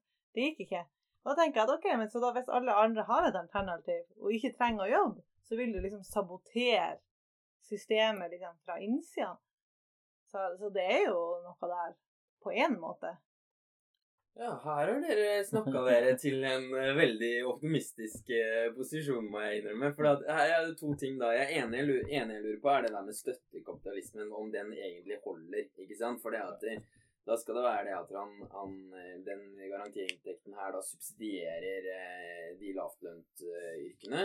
Så man kan fortsatt holde på med ting som egentlig er nesten ulønnsomt. ikke sant? Altså, det er vel noe sånn som 16% med sånne zombieselskaper i USA som ikke er lønnsomme i det hele tatt. Så her kan vi gi dem enda lavere lønninger, og så har de jo den garantiinntekten i bånn. Men, men, hvis du ser på en måte hva, ja, hva skjedde i USA etter man ga ut de der relativt moderate eh, sjekkene som Trump eh, signerte under koronakrisa, hvor de fikk liksom 1200 dollar i hånda eller et eller annet sånt noe. Jo, folk sa jo opp på Mækkern og sånn i stor stil, ikke sant? Og hang opp skilt og nå ikke faen om vi gidder å jobbe her nå. Det, ikke, og det var ikke sånn snakk om at de var økonomisk sikra med 200 000 i året på permanent basis. Overhodet ikke. Um, så det var ikke så mye som skulle til. Altså folk, selvfølgelig, folk har mye bedre ting å bruke tida si på enn lønnsarbeid hvis de slipper å, å lønnsarbeide. Så, så veldig mye veldig mye av de jobbene som er på en måte direkte helseskadelig, kjempekjedelig, sliter på kroppen osv., osv. Eh, da kan det hende at folk heller krever, tenker at nei, litt over fattigdomsgrensa, det holder. Ja. Så, så, Og det er en annen ting med det her, da. Så istedenfor å tenke sånn at det, Selvfølgelig er det et gode med fritid, men, men jeg ville da tenkt at okay, da vil du ha arbeidstidsforkortelser for alle isteden, som igjen vil gi den samme type effekten, at alle får mer tid til å drive med kreative prosjekter eller hekle eller strikke eller hva det nå måtte gjøre for noe. Men det gir også en tilknytning til arbeidslivet som fortsatt gjør at du kan streike. Så hva er, det som, hva er det som skjer på en måte med alle mulige ytelser som staten gir, men som ikke, som ikke er knytta til at du kan streike på det? i hvert fall i Norge, så, og som her er det, er det mange sånne ytelser, men alle de ytelsene har jo hatt en mye dårligere utvikling enn reallønna. Så hvis du ser på sånn studiestipend eller sosialstøtte eller barnetrygd eller bostøtte eller sosialhjelp osv., osv., så, så har du jo det trikset at hvis du bare ikke indeksregulerer det, men lar det stå på samme nivå, så blir verdien av det lavere og lavere. Så det som var på en måte 200 000 i 2021-penger, blir eh, plutselig eh, ned til 120 000 i 2021-penger når du har latt det gå en 10-15 år og underregulert dem. Og de som da ikke får ansatte til de drittjobbene sine, de vil jo helt klart på en måte argumentere for at eh, vi trenger en reservearmé av arbeidere her, folkens. Nå må dere ja. få ut uh, fingeren. Og det er det jeg tror at til syvende og sist så blir problemet at, at, er, at argumentet ikke stemmer. ikke sant? Altså Det er ikke både positivt for kapitalismen og for sosialismen. Det er eh, ikke positivt for noen av de, kan si. Eller altså, det, det, er ikke positivt for oss, og det er ikke positivt for kapitalen. Og så en, altså, Spørsmålet er hva slags Er det tenkelig at det vil oppstå en eller annen slags borgerlønn? Altså at, at borgerne i et samfunn vil få en eller annen pengesum? Det er selvfølgelig fullstendig mulig, men hvordan det vil se ut, og, og, og, og hva hva det vil innebære av kutt i andre velferdsordninger f.eks. For, eksempel, for å kompensere de penge, den pengebruken, og, hva det vil innebære ellers. Eh, det blir liksom det som blir det store spørsmålet. Sånn at, eh, sånn at jeg er veldig lite overbevist om at det faktisk vil være en, en positiv reform. Eh, at den er eh, gjennomførbar den, eh, med, på, de, på, de, premissene som Wright har, altså som en så stor ytelse som som liksom vil, vil skjære grunnen under alle, alle bransjer som ikke kan levere liksom solide jobber til, til arbeiderne sine. At, at, som du sier, at, at, man når man har muligheten til noe annet, at man da skal At man da vil ikke sant, slite i en, i en bransje med, med, lav lønn og dårlig, dårlige vilkår. Ekstremt lite sannsynlig. Sånn at, sånn at jeg syns egentlig at det, det, fungerer veldig dårlig som, som et argument, men, men, men, men, det var det argumentet hans som på en måte Altså hvor, hvor jeg syns strukturen i hvert fall var god, da, ja, for å si det på den måten. Ja. Uh, for at hvis, hvis, han hadde hatt rett i, i, i, Men det andre problemet er jo at, at premisset hans om at det ville fremme sosialisme, også er feil. Men det er i og med at liksom, den overordna forståelsen hans av kapitalisme og sosialisme etter min mening blir feil. da. Ja, ja for at eh, altså markedet og konkurransen og måten man i dag liksom får tenkt å gå rundt, og at du får profitt og investering i ny industri Altså, alt det her vil jo gå sin gang. Så selv om at alle får en garantiinntekt, så tenker jeg de jo likevel underlagt det her systemet, da.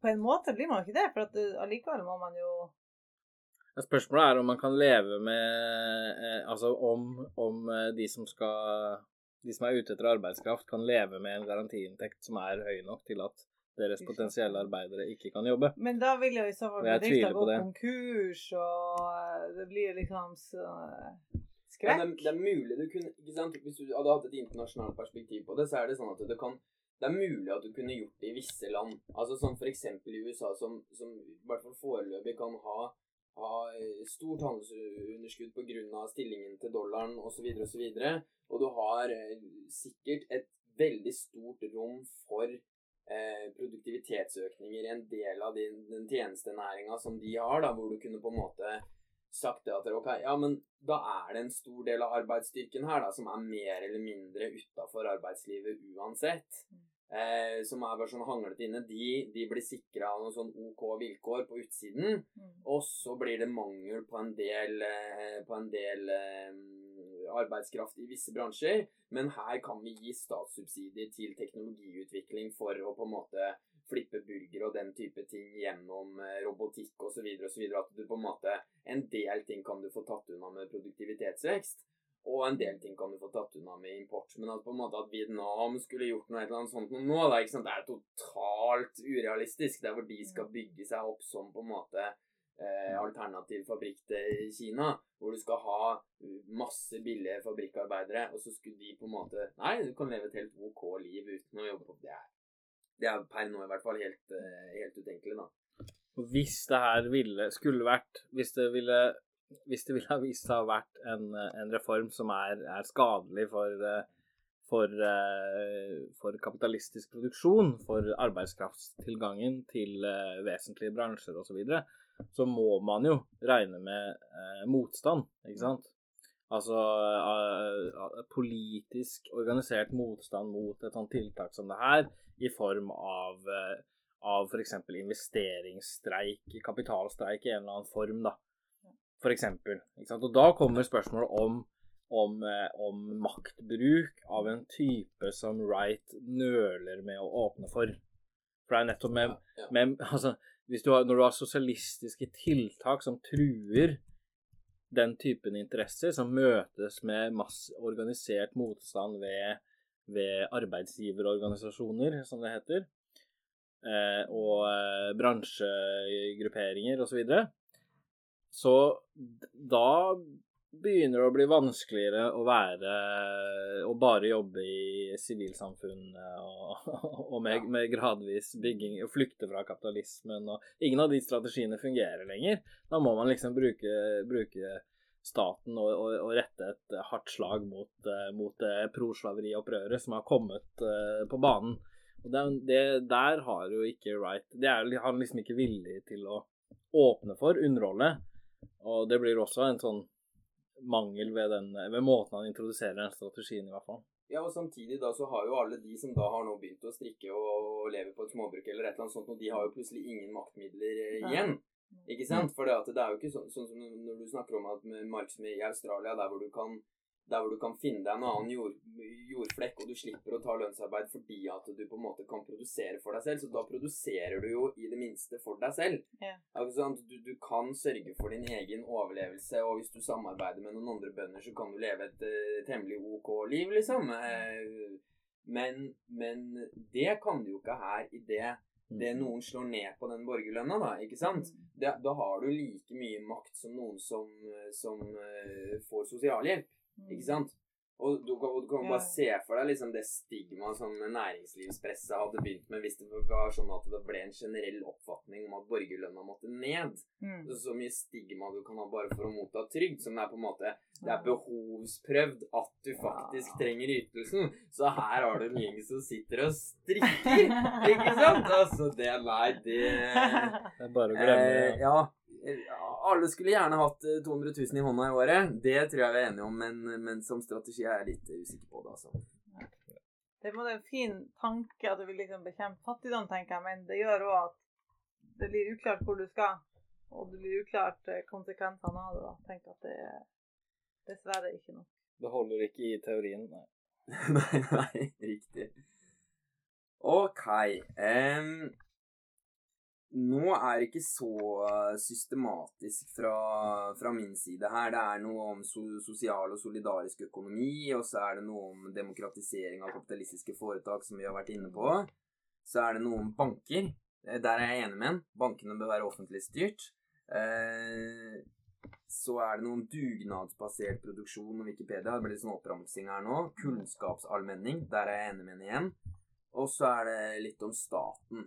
Ja. Nå føler jeg vi er litt over sånn her eh, shoppers uh, guide nesten her, at vi kan bare plukke litt uh, ja, altså, litt fritt. Jeg har et moment der Det er for så vidt ikke noe av det her, men, men jeg kunne ønske å plukke litt mer i kapitalismeforståelsen hans. Ja. For meg er det det. Det er liksom der Det er det som er hans vesentligste premiss, eh, som gjør strategien hans mulig, og det er også hans svakeste punkt. Og det er derfor han dveler så lite ved det. For det er på en måte det han legger i kapitalismen, det legger han alltid sånn kort og tilforlatelig fram som sånn idealtypiske definisjoner. Korte definisjoner. Enten på én eller to setninger. Um, og, og, og men, men, men, men, det er jo liksom det ekstremt vesentlig for, for er, De får liksom store Hva han legger i det, får store implikasjoner, som vi allerede, akkurat har vært innom, eller allerede har vært igjennom. Men, men jeg tenkte det er liksom ett moment til, sånn, bare for å illustrere litt det jeg var inne på i stad. Eh, altså det med hybridøkonomi Han har, et annet, han har, også, han har liksom andre eksempler òg som, som, illustrerer tankegangen hans litt. da, Som jeg føler er liksom verdt å, å, plukke litt på. og det er at, at kapitalismen for han det er altså økonomisk kontroll over eh, produksjon og investeringer. Det er kjerna i kapitalismen eh, altså betrakta fra en litt annen vinkel enn det vi var gjennom i stad. Du kan si eh, det handler om privateiendom over som over produksjonen som finner sted, og investeringene som, som puttes inn. Det er, noen, det er, noen, personer som har privat, nesten sånn gudeaktig, monopolistisk kontroll over hva som skal skje med disse tinga. Ja, og i den grad Det det, det, det resonnementet fører han videre inn i, er jo at i den grad en kapitalist ikke har en sånn gudaktig kontroll over sine maskiner eller sine investeringer, så er ikke samfunnet kapitalistisk heller. For eksempel hvis man på en bedrift har sikkerhetsregler som sier at nei, du, maskinen må være av den og den standarden. Eh, eller den kan bare opereres av fagforeningspersonell. Eh, ikke sant? Altså, og, og i alle moderne land så er jo sikkerhetskodene for eh, maskiner, for hvilke maskiner du kan bruke, hvordan du kan bygge en bygning osv. Det er jo enorme det er dokumenter på tusenvis av sider. ikke sant? Proppfull av spesifikasjoner på hvor, hvordan og Altså på, som, som, rammer inn, hva kan du si, eh, eh, kapitalistens frihet til å investere eller til å dirigere produksjonen, ikke til å bruke disse produksjonsmidlene som han eller hun vil. Og det Wright sin eh, sitt, avgjørende, sitt avgjørende poeng er, er jo at det betyr at kapitalistens private økonomiske kontroll, den er jo Den blir balansert av en samfunnsmessig kontroll. Og det er jo det han definerer. Altså sosialismen, det er samfunnsmessig kontroll. Kapitalismen er privat økonomisk kontroll. Så her har du et annet eksempel på hvordan sosialismen og kapitalismen eksisterer som eh, i en hybrid struktur sammen. Altså, så sosialisme, altså Bare ved det at du har sikkerhetsregler, betyr at da, da er, eksisterer egentlig ikke en kapitalistisk privateiendom. den eksisterer i, i, bare i utvanna form.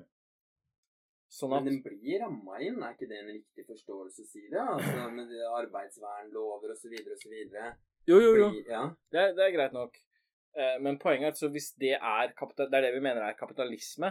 Kapitalisme er at, at kapitalisten har en uhemma kontroll. Å oh, ja, ja, at det er en feil definisjon ja, å si at det er det som er kapitalisme? Ja. Det, det, er, det er, feil definisjon, men det, er også, det, er en, det, betyr at kapitalisme det er en sånn fiksjon, ikke sant? Mm. Eh, som aldri har eksistert, og som aldri noensinne kan eksistere egentlig. Eh, ja, altså et samfunn hvor eierskapet til produksjonen, til investeringene, eh, er eh, innehas av noen mennesker som har en helt uhemma kontroll på hvordan de Det er ingen sikkerhetsregler, ingenting. Mm. Det, det, er, selvfølgelig kan sant, aldri eksistere. Har aldri eksistert. Um, og, og, og, etter hvert som et samfunn eksisterer over tid, så vil det i større og større grad selvfølgelig elimin, plassere innskrankinger og grenser på den kontrollen. Og dermed så vil det også framstå som mer og mer sosialistisk etter Wrights definisjon. Uh, altså, det er noe Det er liksom jeg syns det, det, det, er noe som er litt, litt vesentlig her, da. Og, og så, sam, så liksom Altså, så det er noe, det er, det er noe hele måten han Hele framgangsmåten han har, som er den derre at han istedenfor å analysere kapitalismen eh, i dens eh, ja, ideelle gjennomsnitt, som man sier i, i, blant marxister, så gjør han det på en sånn idealtypiserende måte etter, etter eh, Max Weber sin eh, metode, som da går ut på at du har en forsker som liksom mer eller mindre på grunnlag av intuisjon kommer fram til en definisjon som er abstrakt, og som ikke, som ikke, passer på virkeligheten, men som på en måte er en måte å tilnærme seg stoffet på. Det er liksom Webers eh, eh måte, måte å, å, å, angripe samfunnsanalyse på. Mens liksom Og, og, og det, det, gjør at kapitalismen, for det første altså Alt som du angriper med den type definisjoner, blir, sta, blir et helt sånn statisk eh, fenomen. Det blir liksom bare et sett med definisjoner som står eh, ved siden av, av, hverandre. Og det blir liksom tilfeldig hva du fanger opp med de definisjonene. Og altså Og, og, og ja, hvis, hvis, man trekker implikasjonene i det tilfellet her, da, så blir liksom kapitalismen Det blir, blir et helt merkelig Altså Det blir en helt sånn merkelig tankekonstruksjon som det ikke engang er mulig å forestille seg at kan eksistere uten å balanseres av sosialistiske elementer, ikke sant. Og, og, og jeg vil jo mene at tvert imot, hvis du skal begrepssløre kapitalismen på en litt mer seriøs måte, så må, du, så må den kunne eksistere på sine egne fundamenter. Det må kunne eksistere et samfunn som er kapitalistisk. Og, eh, og det å skille ut Altså, ett, det ene fra det andre. altså eh, det er liksom en sånn, den definerende kjerna fra det, så de modifikasjonene som må på plass for at det skal kunne overhodet realiseres i den virkelige verden. Eh, å si at det ene er kapitalisme og det andre er sosialisme, er høyst eh, tvilsom eh, intellektuell øvelse. Og, og tvert imot, så, så det blir liksom som å si Altså, jeg vet ikke, det, det blir Altså, åpenbart er det her Det her er to ting som er som står i et, et inn, en indre forbindelse til hverandre, og som derfor burde favnes av samme begrep. Hva er det som står i indre forbindelse til hverandre? Altså den formen for eiendom som kapitalismen representerer, og de modifikasjonene av den som, som er nødvendig for at det skal kunne eksistere i den virkelige verden. Du tenker, Hvis ikke så hadde kapitalismen bare eh, drevet sånn rovdrift på folk at alle hadde dødd. For de hadde ikke hatt noe arbeidstidsbegrensning, så de hadde da jobba Ikke sant, et eller annet, eller hvis, hvis du ikke har byggeregler, så vil en, hver bygning eh, kollapse etter ti år, ikke sant, for at betongen er vanna ut. Ikke sant? Så, altså, så hvis du skal ha fast kapital ikke sant? Det er jo, Alle fabrikker er, består, står på grunn av betong osv. Så videre, sånn at hvis det overhodet skal kunne eksistere, eh, sånne investe- investeringer skal være mulige, så må det være regler mot utvanning av betong og sement. og Du må ha liksom standarder for materiale. Altså, Den type ting må, må eksistere. Og, og, og hvis du har en, en forståelse av kapitalismen som liksom er helt sånn Altså som bare Ikke engang de mest sånn Ayn Rand-amerikanerne som vil ha det mest sånn frihetlig eh, Mad Max-kapitalismen uten stat og noe sånt noe. Altså Som ikke engang de kan se for seg eh, i virkeligheten. Det er et eller annet det blir reelt eh, kunstig, da. Og så gjør du da en tilsnikelse hvor du sier at alle utblandinger av den eh, fikk den ekstreme kapitalismen som jeg har dikta opp gjennom en sånn idealtypisk frams, framstilling Alle utblandinger, det er sosialisme. Og det beviser at sosialismen allerede eksisterer. Sånn, noe, jeg mener Den metoden her er verdt å følge med på, for den er også Det er en tilsnikelse? Som, som gir resonnementet hans et eh, ferniss av gyldighet, men som egentlig er ganske tvilsomt. Men hvis, vi, hvis, det ikke, altså hvis det ikke hadde vært at noen hadde kalt det sosialisme, hvis du hadde sagt at det var på en måte På den ene siden så har du moderat eh, regulert kapitalisme, og så har du moderat pluss regulert kapitalisme i den andre enden. Og så er da spørsmålet altså, ja, en del av de, en del av de reguleringene trenger du for at du skal kunne ha kapitalisme over, en, over tid.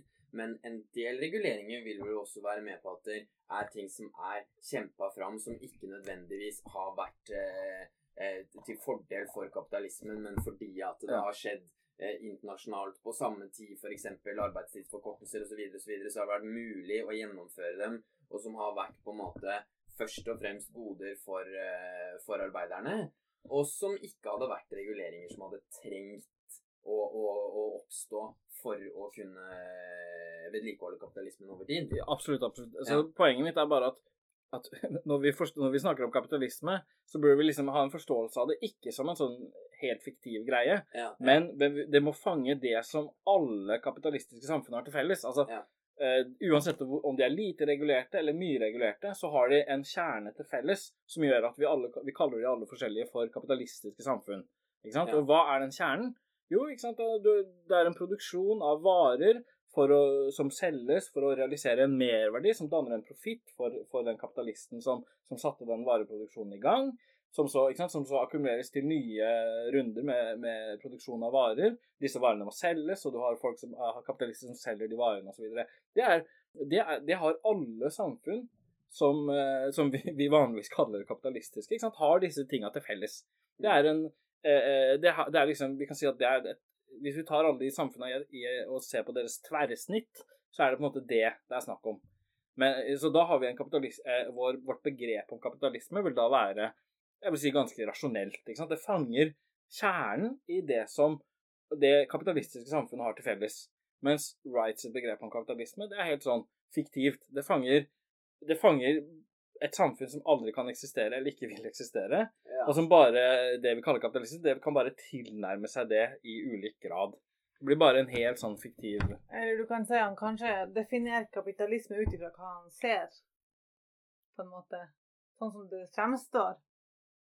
Han sier det sånn som han ser det, så sier han at det er kapitalismen. Det er ikke noe dypere analyse bak eh, hans definisjon som gjør at alle hans løsninger liksom eh, ser ut som at tilsynelatende skal på en måte eh, rette opp og endre samfunnet, men egentlig rokker det ikke ved det som egentlig er fundamentet Mm. eh, til det onde, da, på en måte, som han egentlig prøver å bekjempe. da. Jeg vil absolutt si at det, er sånn, det til sjuende og sist eh, Det som viser seg til sjuende og sist, er hvor, hvor mange problemer man får hvis man liksom snakker om sosialisme, og, til, og utgangspunktet er et par definisjoner på to setninger eller tre setninger av kapitalisme. Av hva slags uh, samfunn vi prøver å kvitte oss med. Ikke sant? Det er, vi må ha en grundigere analyse enn det. Det holder ikke med et par sånne setninger, da. Da kan du kanskje skyte inn at Marx brukte hvor mange sider på å forklare det. Ikke sant? Det er tre-fire bind med på noen tusen sider. da. Ja, det blir mange sider. Det rekker vi ikke her. Nei. Eh, ok. Ehm, det er um, Den ene tingen, altså, bortsett fra det at han vil ha statlig kontroll over bankene, som ikke vi kanskje trenger, for det var nevnt sånn ganske kort, det er jeg enig i, så jeg vil ha på en måte ha flagga det en gang til. Og så liker jeg det der kunnskapsallmenningen-greia hans, Ja. som han snakker om. Hva er det Eh, Nei, altså alternativet til immaterielle rettigheter. Altså sånn generelt, ikke sant, når du har eh, all mulig sånn der global kamp for, for å ha åpne lisenser og kort patenttid osv., osv., der hvor du kan på en måte se for deg på på eh, medisin eller på hva det måtte være av digitale greier. Så selv om du er innenfor eh, et kapitalistisk system, så er det spørsmålet ja, hvor lang skal den patentperioden være? Hvor åpen skal lisensen være etterpå? Er det noen infrastruktur her som kan være allmenn og felleseid osv.? osv.? Hele det sporet der syns jeg egentlig er et sånn ganske bra spor. Jeg tror ikke Ja. det blir noe sosialisme av det, men jeg på en måte, hvis du først skal begynne å snakke om, om lommer, så tenker jeg det at du, har sånn internasjonalt tilgjengelige felleskoder etter kort tid. Altså om det måtte være forskningsartikler eller eh, bøker eller hva det måtte være for noe. Altså de tinga der som blir digitalisert, tilgjengelig for alle etter eh, Og så er det kamp om hvor lang tid det skal være. Jeg mener Det er et, etter min mening et ganske bra eh, spor hvis du først skal lage noen eh, lommer. Ja, OK. Det er greit. Vi, han får for den. men, men, men det er én ting som jeg tenker vi, Dere må bare ta inn hvis dere er noe mer dere vil ha inn på slutten nå, men en ting som jeg syns hadde vært interessant å, å sagt litt om som det har vært eh, Som det jo er mye snakk om sånn i generell debatt, den der sånn tilbakevending til til staten og på en måte den, altså en sånn viss sånn nostalgi for den rollen staten spilte mellom kanskje 45 og 73. Ikke sant? For at han legger jo veldig mye på at, at eh, staten kan legge til rette for det ene og det andre osv. osv. Og og historisk sett så har jo eh, staten i mange land eh, lagt til rette for det ene og det andre i etter andre verdenskrig, og kanskje fram til oljekrisa vil være en sånn naturlig sted å, å runde da. Og det, når man ser på en måte nå, hvis du liksom tenker sånn sosialdemokrati, diskusjon rundt i Europa osv., så, så, så er det også sånn derre Virker som at man skal vende seg mot et eller annet eh, nytt. Litt uklart eh, hva det er for noe. Men i hvert fall en ting som jeg syns er interessant eh, her, og det er kanskje nesten banalt, men det er jo spørsmålet ja, hvilke sånn økonomiske rammebetingelser var det som muliggjorde det staten kunne legge til rette for i 45, ikke sant? hvor du da skal ha en gjenoppbygning, og du hadde høy etterspørsel, og du hadde høy fruktbarhet, og, og du da hadde også nødvendigvis eh, gjeldsvekst blant de unge som trengte å bruke penger osv., og, så videre, og du hadde høy produktivitetsvekst, og økonomiske veksten var høy kontra den situasjonen man er i nå, ikke sant, med veldig lav eh, produktivitetsvekst og, og lavere etterspørsel osv., osv. Så, videre. Eh, så for meg så kan det på en måte framstå som at han tror at uavhengig av hvilke, eh, hvilke hvilket miljø eh, altså staten eh, opererer i, så kan man kopiere en del av de eh, At man kan bare komme seg på offensiven, liksom. Mm. Eh, og se bort ifra hvilke, hvilke sånn grunnbetingelser som var på plass for at man da kunne komme seg på offensiven. Altså det er for eksempel Det er jo i en gjenoppbyggingsfase så er det jo kan man jo nesten også tenke at det er rasjonelt for kapitalismen at du har en prioritering av visse områder du skal satse på hvis ting ligger i grus. Du må ha en viss sånn Den krigsøkonomien må vare en viss periode lenger enn enn selve krigen, for det at det sånn helt elementær infrastruktur må du kanalisere ressurser til i starten. Ikke sant? Så da får du på en måte Du kan ha en stat som bygger opp ting som framstår som felleskoder. Du kan ha reguleringer osv. osv. Men kan du det i dagens situasjon på samme måte? Eller er ikke nå staten da mer tvunget til å, å sikre profitabiliteten i et uh, forretningsklima uh, som er uh, helt annerledes? Mm. Nei, altså jeg, jeg er jo si, enig med det du kanskje antyder, at altså, staten er jo ikke Den står ikke heva over samfunnet. Den er en del av det samfunnet den opererer i. Og, og i en situasjon av, av lav profitabilitet, og hvor investeringsgraden i, i industriell produksjon er lav pga. det, altså rett og slett for at det er vanskelig å få solgt varene med god profitt. og staten kan ikke knipse med fingrene og, og, og, reparere den situasjonen, og plutselig så får vi et samfunn som, hvor det igjen er 40 eh, industriarbeidere, og, og eh, LOs makt eh, på derfor liksom vokser taktfast, og, og, og vips, så kommer det nye Norge, ikke sant? Som Altså karikaturvarianten av det, det, det, noen kanskje ser for seg, da. Reallønnsvekst år etter år og arbeidsløshet under 2 sammenhengende i 30 år, ikke sant. Det er En ny gullalder. Ja, ja, ja. Eh, altså, den, gullalderen vi, vi fikk, eh, var jo oppnådd på bakgrunn av, av en enorm ødeleggelse av, eh, av kapital gjennom eh, gjennom eh, en, en eh, verdenskrig av, som fikk helt katastrofale altså, proporsjoner. Og eh, i gjenoppbyggingsfasen etter den så var det jo ikke grenser for hvor mye det gikk an å, å vokse, for hvor mange nye produksjonssteder det gikk an å etablere. Eh, men vi er i en helt annen eh, situasjon nå, da.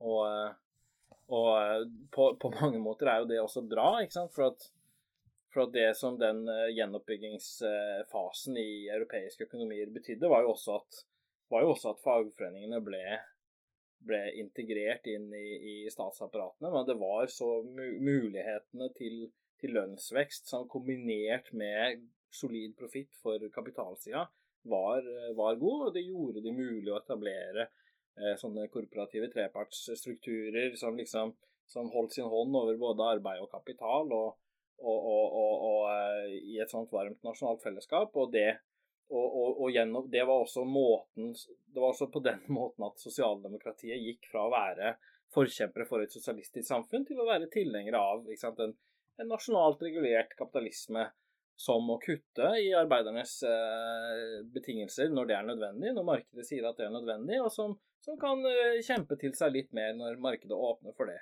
Som et liksom, passivt, nesten sånn Eh, teologisk eh, sosialdemokrati som, som, følger signalene til markedet som en lydig undersått. ikke sant? Altså, eh, den, det sosialdemokratiet, den arbeiderbevegelsen som vokste opp på grunnlag av, eh, av etterkrigsboomen, den har ikke noen betingelser for å eksistere og overleve. Og hvis vi som ønsker et sosialistisk samfunn, eh, kan jo på, på en måte anerkjenne det positive i det. Eh, I og med at, at, eh, at det, det, de eh, endte opp med å gjennomføre, var tross alt ingen løsning. Selv om man kan sette pris på Selvfølgelig må sette pris på og forsvare alle, alle Altså det som vi kjenner som velferdsstaten osv. Ja, for han sier jo selv uten profitt, vil ingen produsere, så man er tvunget til å slå i ring om et godt forretningsklima. Ja. Eh, ikke sant? Så han, eh, han, er jo klar over det, men, eh, men eh, kanskje overser litt de betingelsene som er nå, kontra hva det var tidligere, da. Og streikende arbeidere gir intet uh, godt forretningsklima, da. Det er det. Ja. Jeg syns jo det her han skriver om staten For han kritiserer jo Han har jo et eget avsnitt her om den kapitalistiske statens problemer. Og det er jo viktig, for det er klart den har problemer. Så det er jo fint at han ramser det opp, og han eh, sier bl.a. at eh, det at den kapitalistiske statens inntektskilder er skatt på avkastning, generert i den kapitalistiske markedsøkonomien, Eh, og at eh, mekanismer for rekruttering av beslutningstagerne i staten favoriserer systematisk eliter fremfor vanlige borgere.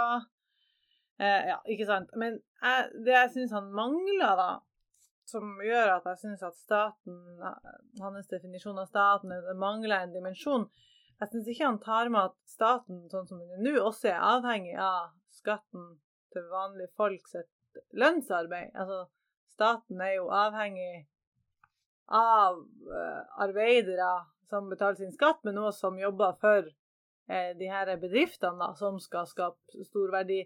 Sånn at eh, staten trenger jo at folk er i arbeid.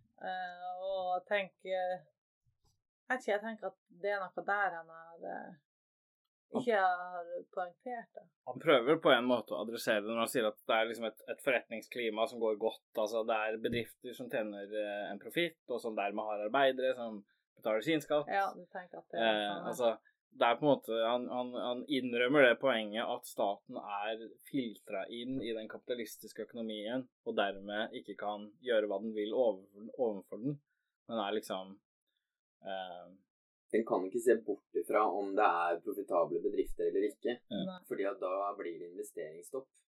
Men om man, spørsmålet jeg ser, er om man tar konsekvensene av den innrømmelsen, egentlig. Ja, Nei, det er det han ikke Det er det han ikke gjør. For når du da Hvordan kan en stat som er så filtra inn i de tinga, eh, være en antikapitalistisk aktør uten videre? ikke sant? Hvordan kan den eh, altså bygge ned de eh, vareproduksjonen, ikke sant? Hvordan kan den bygge ned de tinga som den avhenger av? Eh, det blir liksom det store spørsmålet som, som Jeg føler ikke jeg får ja, Hvis vi sier at uh, grunn, ja, vet dere, borgerlønn ikke fungerer, da. Det er jo det som kanskje er hans forslag. Men, men hvis det forslaget faller, så er det vanskelig å bli overbevist. Ja. Ja. Det er eh, Det er vi enige om. Jeg er tom, jeg nå. Ja, jeg, jeg har, Har du fått merka deg noe mer, Elise? Ehm, skal vi se Altså, det jeg har nevnt, tenkt bare sånn um, Ja, jeg syns jo også egentlig Men det er en helt annen diskusjon, kanskje litt for langt å ta nå på tampen. Men det er det at han sier jo På slutten her så sier han at et av kjennetegnene på progressiv politikk de siste tiårene har vært betydningen til andre identiteter enn klasseidentitet. Eh, At han omtaler klasse som en identitet. Jeg tenker at Det peker også på en sånn grunnleggende mangel ved hans måte, forståelse av eh, de kapitalistiske produksjonsforhold. på en måte At eh, arbeiderklasse for er en identitet. Eh, Jeg anser meg som en feminist, ikke en arbeider. Eller jeg er ikke sant, minoritet og ikke en arbeider. Altså, eh, han, mener at folk heller identifiserer seg med andre opprørende til dags. da, ikke sant? Og det er jo sikkert rett og sant, men jeg tenker at der òg hadde han kanskje hatt fordel av å se klasseperspektivet i en mer helhetlig måte, og at eh, alle de her eh, gruppene er ulike uttrykk for eh, på en måte undertrykkelse på en eller annen måte, da, som kanskje alle stammer fra at de er Det henger sammen med klasse på en eller annen måte. nettopp Ja. Ja, så det er et eller annet Ja, det er noen Han har også ehm, Det er noen, noen ting han, han her skriver om klasse som gjør at jeg tenker at uh, Som gir meg lyst til å se kritisk på hans bøker om klasse, for å si det sånn. altså, som har et veldig, et veldig godt rykte, da, men uh, Men, han, men jeg syns litt altså sånn, Selv om man kan si det der med, med identitet og, og ikke-identitet altså, Hvis klasse hadde vært en identitet, så det som i hvert fall hadde stilt den i særstilling fra alle mulige andre former for identiteter, er jo det at det er jo en, det er jo en identitet du helst vil bli kvitt. ja. Altså Målet er jo å bli kvitt den identiteten du har som lønnsarbeider, selv om det er blitt på en måte pervertert til at, at Ja. man kan på en måte Mange nå egentlig vil tenke sånn Jeg er arbeider, og det skal jeg være til jeg Men målet er jo på en måte å komme hinsides det så du slipper å selge deg for penger, på en måte. Eh, mens de andre identitetene, der er det jo på en måte Der er jo ikke målet å bli kvitt den identiteten, Nei. egentlig, men, men at det ikke skal være forskjellsbehandling osv. Men jeg syns Han hadde en sånn passasje der hvor han snakka om en tysk intellektuell med jødisk bakgrunn, og som jeg syns var litt sånn interessant at du på en måte Ja, hvordan er det samfunnet rundt påvirker hvilken identitet som er mest fremtredende? Hvor han Mm. sier at Ja. ja, den personen her ville kanskje Ja. først og fremst tenke på seg selv som en tysk, tysk intellektuell i 1925, men i 1935 så ville den definitivt tenke på sin jødiske bakgrunn som det mest vesentlige ved den identiteten. Og det er jo på en måte øh, en observasjon som øh, i hvert fall jeg tenkte sånn Ja, ok, man, man spiller jo på på en måte Det er forskjellige ting man kan identifisere seg med og bli tvunget til å identifisere seg med av samfunnet rundt. Absolutt. Ja. Det, var, det var et godt uh, eksempel, det, for så vidt. Litt sånn fenomenologisk Ja. betraktning Eh, på hans side der. Ja.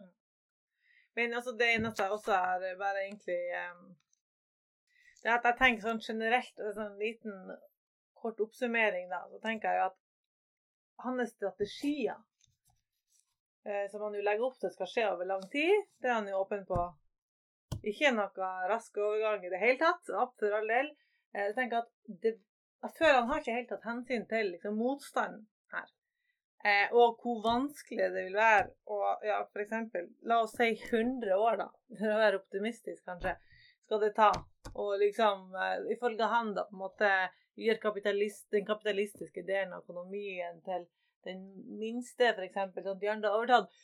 Eh, OK, 100 år, men da skal du ha politisk enighet om det her i 100 år, da. Ikke sant? Om at alt det her er god liksom Motstanden fra kapitalistene skal ikke være for stor. Du skal ikke få noe eh, Altså, hva heter det, kapitalflukt og ditten og datten, virkemidler som de kan gjøre kapitalistene. Så jeg tenker sånn, jeg føler at eh, det, han har liksom en ting ikke tatt hensyn til liksom motstanden som kommer til å være der. Definitivt. Særlig hvis du ser historisk alle forsøk ikke sant? det vil være der og hvor lang tid det vil ta, eh, sammen med det liksom, politiske flertallet du må ha. Jeg tenker at det, det egentlig blir ganske urealistisk. Selv om han har jo fått masse gode kritikker, og de mener jo at det er fantastisk og håp for eh, 21. århundre, så mener jeg heller at eh, Ja, jeg, jeg syns ikke det. Litt uenig der. Altså Hvis man følger med i Klassekampen, så har det vært en fra, Opp mot uh, valget så var det jo en stri strøm av kommentarartikler fra, og essays fra økonomer og etikere og forskjellige greier som appellerer, appellerer til Rødt om å fjerne sitt eh, eh, sitt revolusjonære program, ikke sant, som er, liksom, går inn for en sånn ruptural strategisk logikk, og heller gå inn for eh, for å promotere litt arbeiderstyrte bedrifter og få litt arbeiderrepresentasjon inn i styrene. ikke sant? Altså sånn mer sånn ikke-konfrontativ, gradvis forsiktig, eh, håpefull strategi om hva sosialismen innebærer. Sånn at, og, det er jo mer eller mindre det Wright tar til orde for i den boka her. ikke sant? Den glir jo rett inn i, i det som i, i en type eh, En sosialisme som er som er eh, mer behagelig å, å, å hanskes med enn de andre som han polemiserer mot. Sånn at liksom grunnlaget for at han kan få positive anmeldelser og, og bli tatt inn i det gode selskap og uh, likens med hans lesere, er jo Det ligger jo godt til rette, liksom. Sånn at det er ikke så, det er ikke så rart å um, Og uh, man må på en måte bare regne med at det her er det her er den sosialismen Altså, med fare for, for å konkludere på stalinistisk vis, liksom. Så det her er den sosialismen som borgerskapet ønsker seg. Ja. Veldig god oppsummering. Veldig god oppsummering. Jeg foreslår vi gir oss her, jeg. Ja. Ja.